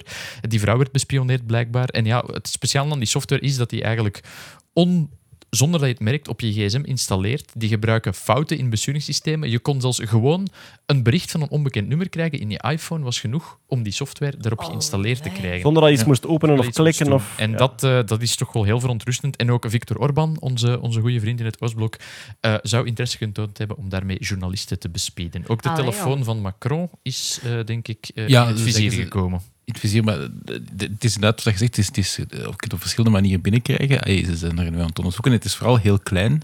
Het, softwarepakketje of de, de payload die dat je binnenkrijgt en zo'n een verkeerde link klikken Ja. of zelfs opgebeld worden met een gemist nummer, dat je eigenlijk de payload binnenkrijgt. Ehm, en het is zeer verontrustend, omdat het is inderdaad niet alleen iPhone, maar het is, ah, het is niet alleen Android, maar het is ook iPhone. En zelfs ehm, ja, zo de, de, de telefoons die dan Macron onder andere gebruikt, de, de TORM's, dat zijn eigenlijk zo beveiligde telefoons die eigenlijk alleen maar naar elkaar kunnen binnen. Cryptofoonachtige dingen. Ja, die end-to-end encryption doen op alles. Dus ook op het bellen zelf, dus op de voice die gedaan wordt. dat- de telefoon van Macron is toch de macrofoon? Nee, nee, nee, de francofoon. Doe maar. Oké. Maar we hebben het hier dan over staatshackers. Dus eigenlijk... Ja, maar- ah nee, privébedrijven. Het is een privébedrijf die eigenlijk ja, is- softwareprogrammeurs eh, Het is, een, het, is, het is FNR-stal, maar dan digitaal. Ja, Mogen, mag Israël digitale wapens verkopen? En Ja. aan wie? En daar is En ontwikkelen vooral momenteel- ook. Niet alleen Ja. verkoop, maar ontwikkelen ook. Hè, ja. En daar is momenteel weinig tot geen wetgeving over. En eh, grote mensen, journalisten, Edward Snowden heeft gezegd van kijk, we moeten nu een regelgeving ontwikkelen, Ja. want dit zijn, dit zijn tools die levens kosten. Hè. Ik bedoel, Kamal Khashoggi is vermoord geweest omdat ze exact weten wanneer die waar ging zijn. Zijn vrouw bespioneerd. eh, journalisten die ook Mhm. aan hun einde komen in ver- verdachte toestanden. Dit moet aan banden gelegd worden en daar zijn weinig tot geen verdragen over. Dat zijn bedrijven die, denk ik dan, hè, ehm, eh, zero-day hacks gebruiken. Ja. Dus die vinden eigenlijk fouten in de software. Die melden dat zeker niet aan Nee. de eigenaars van die software. En die, die melden dat ook aan zo weinig mogelijk andere mensen. Maar die verkopen dat peperduur. Of ja, ze ontwikkelen hun eigen producten erop en verkopen dat dan peperduur. Hoe snel wordt zoiets gepatcht door een eh, Apple of Dat is- gelijk wat? Dat is heel onduidelijk. En je hebt daar bijvoorbeeld je hebt daar twee strategieën in. Wat dat Samsung doet, of wat dat bijvoorbeeld het Android operating systeem doet en wat dat, wat dat Apple doet. Apple hangt dat nooit aan de grote klok. Mhm. Dus de, de Apple heeft ook wel zijn bug bounty programma. Hè. Dus het tegenovergestelde van eh, om zero days te gaan verkopen op de zwarte markt, is dat je eigenlijk gelijk ethische hackers, dat je, dat je zegt, Gemeld aan de eigenaar. je meldt aan de het eigenaar en je krijgt daar geld Ja, voor. dat de bedrijven eigenlijk meer bieden dan de zwarte markt. Ja. Dat is eigenlijk een beetje het punt. Verkoop het, ver- meld het aan ons in. Plaats van het aan de shady kerel met een jas in Israël te verkopen. Ja, Dat- in dat- Google, ja, in Google en Android is daar veel opener in. Dus dat weet je. het. En in de Windows-updates dan zie je van ja, dat wordt gedaan. Dus je hebt er verschillende strategieën in. Dus je weet het niet altijd of dat iets gepatcht wordt. En, en, en, eh, en er zijn niet bugs die dat zelfs op het laatste versie, op de laatste beta-versie, die dan nu zelfs nog van het nieuwste operating systeem van, van iOS, die dat daar zelfs kwetsbaar voor waren ook. Dus het is, het is zo, ja, ik weet niet hoe dat je dat, dat moet gaan tegengaan, maar gelijk zo het feit van het itemke van daarnet van, eh, dat je de dingen die dat je koopt, dat je daar toch wel in mocht gaan, dat je die mocht hacken of zo. Ik wil geen pleidooi voeren dat alles open source moet zijn, want dat heeft ook zijn nadeel natuurlijk. Maar er moet wel iets... ehm, ik vind wel dat er iets, iets meer opener moet zijn in, in, in het feit van, ja, hier zit een beveiligingslek in, of kijk, hier is een stukje code waarvan we denken dat er wel iets in zit, en dat er eigenlijk iets meer community-gewijs... Het argument van eh, als wij full control hebben, is Ja. er meer veiligheid. Wat, dat, Dat wat dat klopt niet. Apple altijd Ja. zegt. Van Android kun je veel meer op ontwikkelen, maar kun je ook slechte dingen op ontwikkelen. Wij hebben een geweldig gecontroleerde store. Dat Ja. heeft nu wel een deuk gekregen, want ja, de staatshackers die kruipen er toch tussen. hè. Ja, het is, een, het is een zwarte doos en je vertrouwt... ey, Ja. je, je had het vertrouwen dat Apple zei van ja, het is een zwarte doos en door het feit dat niemand het weet, is het veiliger. Maar ze communiceren er niet over dat er lekken in zitten, ook niet, of toch niet altijd. En blijkt dat je even goed niet weet wat er in de doos Ik zit. denk dat het punt ook is, als er een veiligheidsdienst achter je aan zit die bereid is om heel veel geld te betalen om in je telefoon te zitten, dan zijt je gepoept. Er bestaat in dat geval Mhm. niet zoiets als een veilige telefoon. En eh, het, het beeld dat altijd opgehangen wordt van de hacker als zijnde ehm, eh, de jonge persoon met de hoodie Nee. in, het, Nee. in, het, in het studentenkamertje vol niet. met pizzadozen. Nee, hè, nu Nee. zijn het echt zwaar betaalde topinformatici absoluut, ja. die voor grote budgetten met topinfrastructuur eigenlijk aan het werk kunnen gaan. Ja. En mijn, ja, mijn conclusie was daar ook eigenlijk een bevestiging van wat ons altijd verteld wordt. Full security bestaat niet. Nee. Het is allemaal niet alleen hackbaar, maar waarschijnlijk al reeds gehackt. Er draait heel veel slapende hack-software op onze infrastructuur van buitenlandse landen. En op die positieve noot we gaan er toch positief uitgaan, want het is ja, augustus intussen. Het wordt toch wel eens tijd, acht maanden na het nieuwe jaar, dat we de gouden jas uitreiken. Wij gaan hetzelfde excuus gebruiken als de Olympische Spelen. Corona, hè. Ja, voilà. Dat kunnen we niet, eh, dat kunnen we niet doen. Eh Gouden Jas, er zijn verschillende stemmen binnengelopen op goudenjas.be. Normaal gingen we eerst nog een nominatieronde doen. En dan, dan, eh, maar het was eigenlijk heel duidelijk dat er twee absoluut bovenuit staken. Ik zal beginnen met de tweede plaats.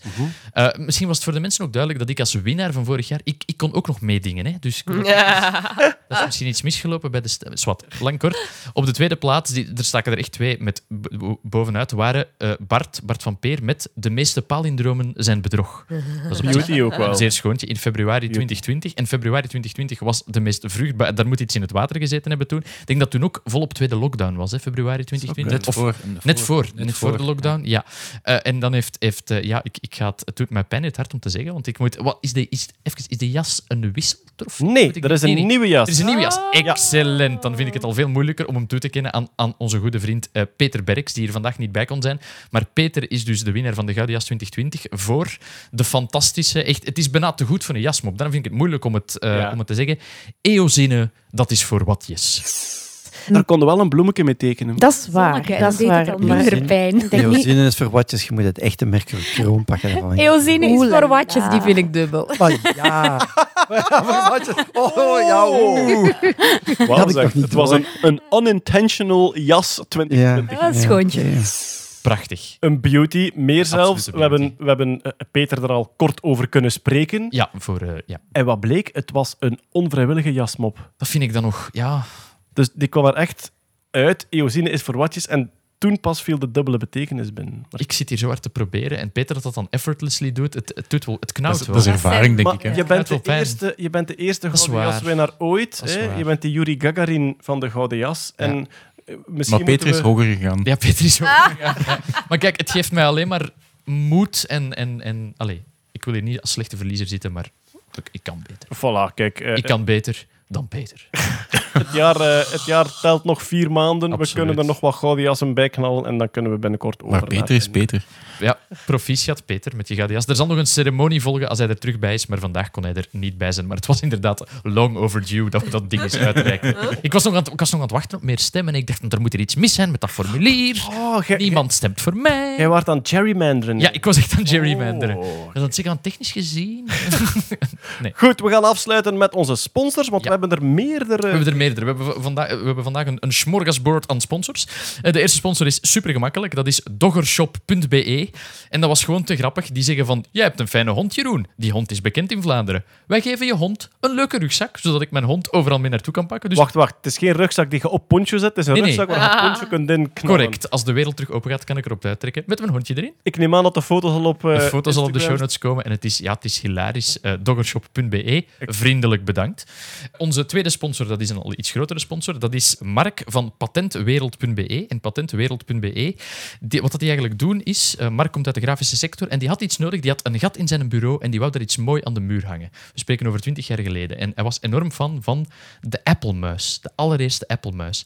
Dus hij is in patenten gaan graven en wat je heel vaak hebt in patenten, je hebt prachtige, vaak explodie tekeningen eh, Ja. om die dingen uit te leggen. Geannoteerd en al. hè. Ja. Maar de patentgrafiek staat bekend. Hè? Dat is zo inderdaad zo dat exploded view en dan zo die, die kromme lijntjes met nummertjes bij om elk onderdeel ook als nummerke te omschrijven. Ja. En bij patentwereld.be kun je die bestellen. Hij drukt ze af op hoogwaardig poster, aluminium, natuurhout of plexiglas. We hebben zelf ook een paar posters Ja. ter beschikking gekregen. eh, Ik heb die van de, de Lego Minifake eh, gekregen. Ah, amai. Eh, grote fan. I love it. Jij hebt er ook een Ja, ik heb ja, ook in de Lego's het design van de 2x4. Het blokske. het blokske, het allereerste blokske, ja. Dat uit verschillende delen bestaat die elkaar klikken ook. Ehm, Wat? Ja, zo dat allereerste blokje hebben zo een, een dak, ofwel is dat enkel die een exploded view. dat is Exploded Ah, View. dat is niet inderdaad dat ja, verschillende ja, staat onderdelen. eh. En die hangt zo eh, tegen de muur naast mijn 3D. Op de website patentwereld.be vind je alle mogelijke dingen. Ik denk, Peter heeft een poster van DNA gekregen. Je hebt DNA, je hebt het skateboard, je hebt de computermuis. Er zijn heel veel, je kunt kiezen. En er is een kortingscode Nerdland20. Daar krijg je de volgende maand, of de maand waarop deze podcast verschijnt, eh, eh, 20% korting mee. Patentwereld.be. En dan komen we uiteraard bij een grote en trouwe sponsor die ons weer een hele hoop eh, heerlijke swag heeft opgestuurd. Onze goede vrienden bij Ferry Positron. Ferry Positron is een winkel waar je nerdy clothing en, en accessoires kan kopen. Ik heb voor jullie een speciaal eh itempje om te laten zien. Mag het licht hier even uit? Hola. Oh. Want, ja, ja, inderdaad, mag het licht hier even uit. Want ik heb nieuw in de collectie een t-shirt gekregen met dino's die glowen in the dark. Glow Ik in the heb- Dark Dinosaurus eh, te zien. Ja, ik heb deze t-shirt al een week en een half aan. Dat verklaart de stank. maar eh, dus nieuw in het ass- assortiment, daar ben ik een grote fan Ja, van. hij riekt ook een beetje naar Triceratops. Absoluut, moet ik absoluut, zeggen. ja. Uit het Jura. Eh Els, jij hebt denk ik ook iets toegestuurd gekregen? Ja, ik heb een, eh, een dochter die is twee jaar en die, die is ook al een beetje geeky en nerdy. En die heeft nu onderbroekjes met planeten op en ook met astronauten op. En dan zegt ze, kijk naar mijn poep, dat is zoals Hetty. Oh, heb jij ook zo planeten? eh, Maar bij Eddie is als, als ze geen onderbroek aan heeft. Een hele grote Uranusvormige puist. Nee, eh, ik was aan het twijfelen om Uranus-moppen te Ja. maken. Ja. dat is een, dat is een sponsortaal. Nee, eh, Maar dat Dat zijn is- wel hele, hele, hele schattige kleine broekjes voor kleine meisjes. wat dat ook op Maar ja, Ferry- Positron is al drie keer sponsor geweest. Voor Ja. de mensen die het nu de eerste keer horen, ferrypositron.be. Een heel arsenaal aan... Het is begonnen met enkel kledij, denk ik. Hele toffe jurkjes voor de, ja, voor de, de jonge geeks dan. Vooral kinderkledij. Ik er Jurken ook- met zakken in, Ja. heb ik gehoord. Wat een Inderdaad. grote hit is. Eh, dus ik heb er ook al een paar voor de dochter gekocht. Natuurlijk ook kleren voor jongens, ook kleren voor volwassenen ook. Ze hebben nu ook twinning kleren, hè, dat je Ja. als volwassene Ja. en als kleintje hetzelfde kunt aandoen. Juwelen. Ja. Wat ik ook wel zelf heel tof vind als, als bezitter van nogal twee boomstammen van benen, ehm, dat het ook verschillende soorten vormen past. Ah, oké. Ja, dus bijvoorbeeld, ik heb ook een klein meisje met nogal stevige billetjes en die kan daar gewoon perfect in. Dat is tof. Top. En ja, heel veel, eh, wel meer, meer dan vroeger zelfs objectjes ook. Hè. Juwelen hadden ze al een tijdje. Ik denk bepaalde moleculen die je dan als oorhanger kunt hebben. Het anatomische hart, hebben ze dat ook niet? Ik denk het wel. Ja. Maar dus het anatomische hart, ja, een hartje in plaats van in hartvorm, gewoon echt een soort gietijzeren hart dat je dan in twee kunt slijpen en elk de helft kunt aandoen. Maar waar, waar heb ik mij door laten verleiden? Notitieboekjes. Ik heb er ook... ja. En ze hebben notitieboekjes nu. Ja, ik heb dat nodig. Hè. Ik moet af en toe de, al de chaos in mijn kop kunnen op papier schrijven. En ze hebben nu notitieboekjes met allerlei kaftjes, met ja, science-esthetiek. Net zoals dat je bij patenten geweldige esthetische tekeningen hebt, heb je ook in wetenschappelijke tekeningen of in afbeeldingen. eh, en Daar kan je je data van de Hubble Space Telescope in. Ja, ja, absoluut. Ja, ja, ja. Ik heb ze ook zo in de, in de engineering en de makers. Ja. Het is alleen... Ik, ik durf ze niet te gebruiken. Ik ga er, Dat is een ik- beetje het nadeel. Oh, ja. Dat is mijn ervoor. eeuwige probleem met Ja. notitieboekjes. Ja, maar Kan nu moet, u voorstellen, nu moet u voorstellen, het is de, het is het kaftje aan de buitenkant de magnificus. Hè? Ja, En de binnenkant is- De is- binnenkant ja. kun je dan volschrijven. Nu moet u voorstellen, als dat vol is, Mhm. dat je dat zo bewaart in een zolderdoosje. En dat je dan, als je bejaard bent, dat eruit haalt met dat schoon kaftje en dat dat helemaal volgekriebeld is met dingen die je, nu, geniale dingen dan. met dingen die je nu gebouwd hebt of meegemaakt Ja, dat hebt. is waar. Ik ben nogal fan van de zolderdoosjes. Ik hou heel Ja, veel brol bij het is- het is om in waar, het het is zo- het is-. Het is, zo schoon zo terug, want ik, ja, ik noteer heel veel op computer, maar dat is heel vluchtig. hè, Dat is Ja, weg. Hè, dat, ja. ehm, misschien moet ik het meer doen. Maar ik ga, ja, ik ga het doen. Ik moet wel zeggen, wat ik super tof vond, als je dus van Ferry Positron iets bestelt en dat komt thuis, dat is zo echt... Dat is door mensen ingepakt. Dat is zo kei mooi. Daar zit dan zo'n briefje bij van: ben je tevreden? Ja, nee. Als het nee is, dan moet je dit doen. Als het ja is, moet je dat doen. Heel En ook leuk. papiertje daar rond met een sticker, zo, zo crispy crispy papier. Allemaal, allemaal zo lekker- heel verzorgd, heel mooi. Ja. zo, je moet niet eens een cadeautje... Allee, het is een cadeautje voor jezelf ook. Ik denk dat er een geweldige markt is om inpakrobots te bouwen die dat ook kunnen. Dat is een enorme besparing ook. Hè. Misschien de Amazon heeft die. Het leuke is net dat dit geen robotica-werk is, maar echt dat daar een menselijke ziel in zit. Er is ook een, Ik ga het in mijn boekje noteren. wel, wat je ook in je boekje kan noteren, Kurt, is dat er een kortingscode is. Voor Ferry Positron. Nerdland 10 voor 10% korting tijdens de maand augustus. Ferrypositron.be, alle links in eh podcast.nerdland. Nerdland 1.0. Yes, podcast.nerdland.be. eh, daar vind je alle show notes, alles wat we vandaag besproken hebben. Beste luisteraars, hier volgt een mededeling vanuit de montagekamer.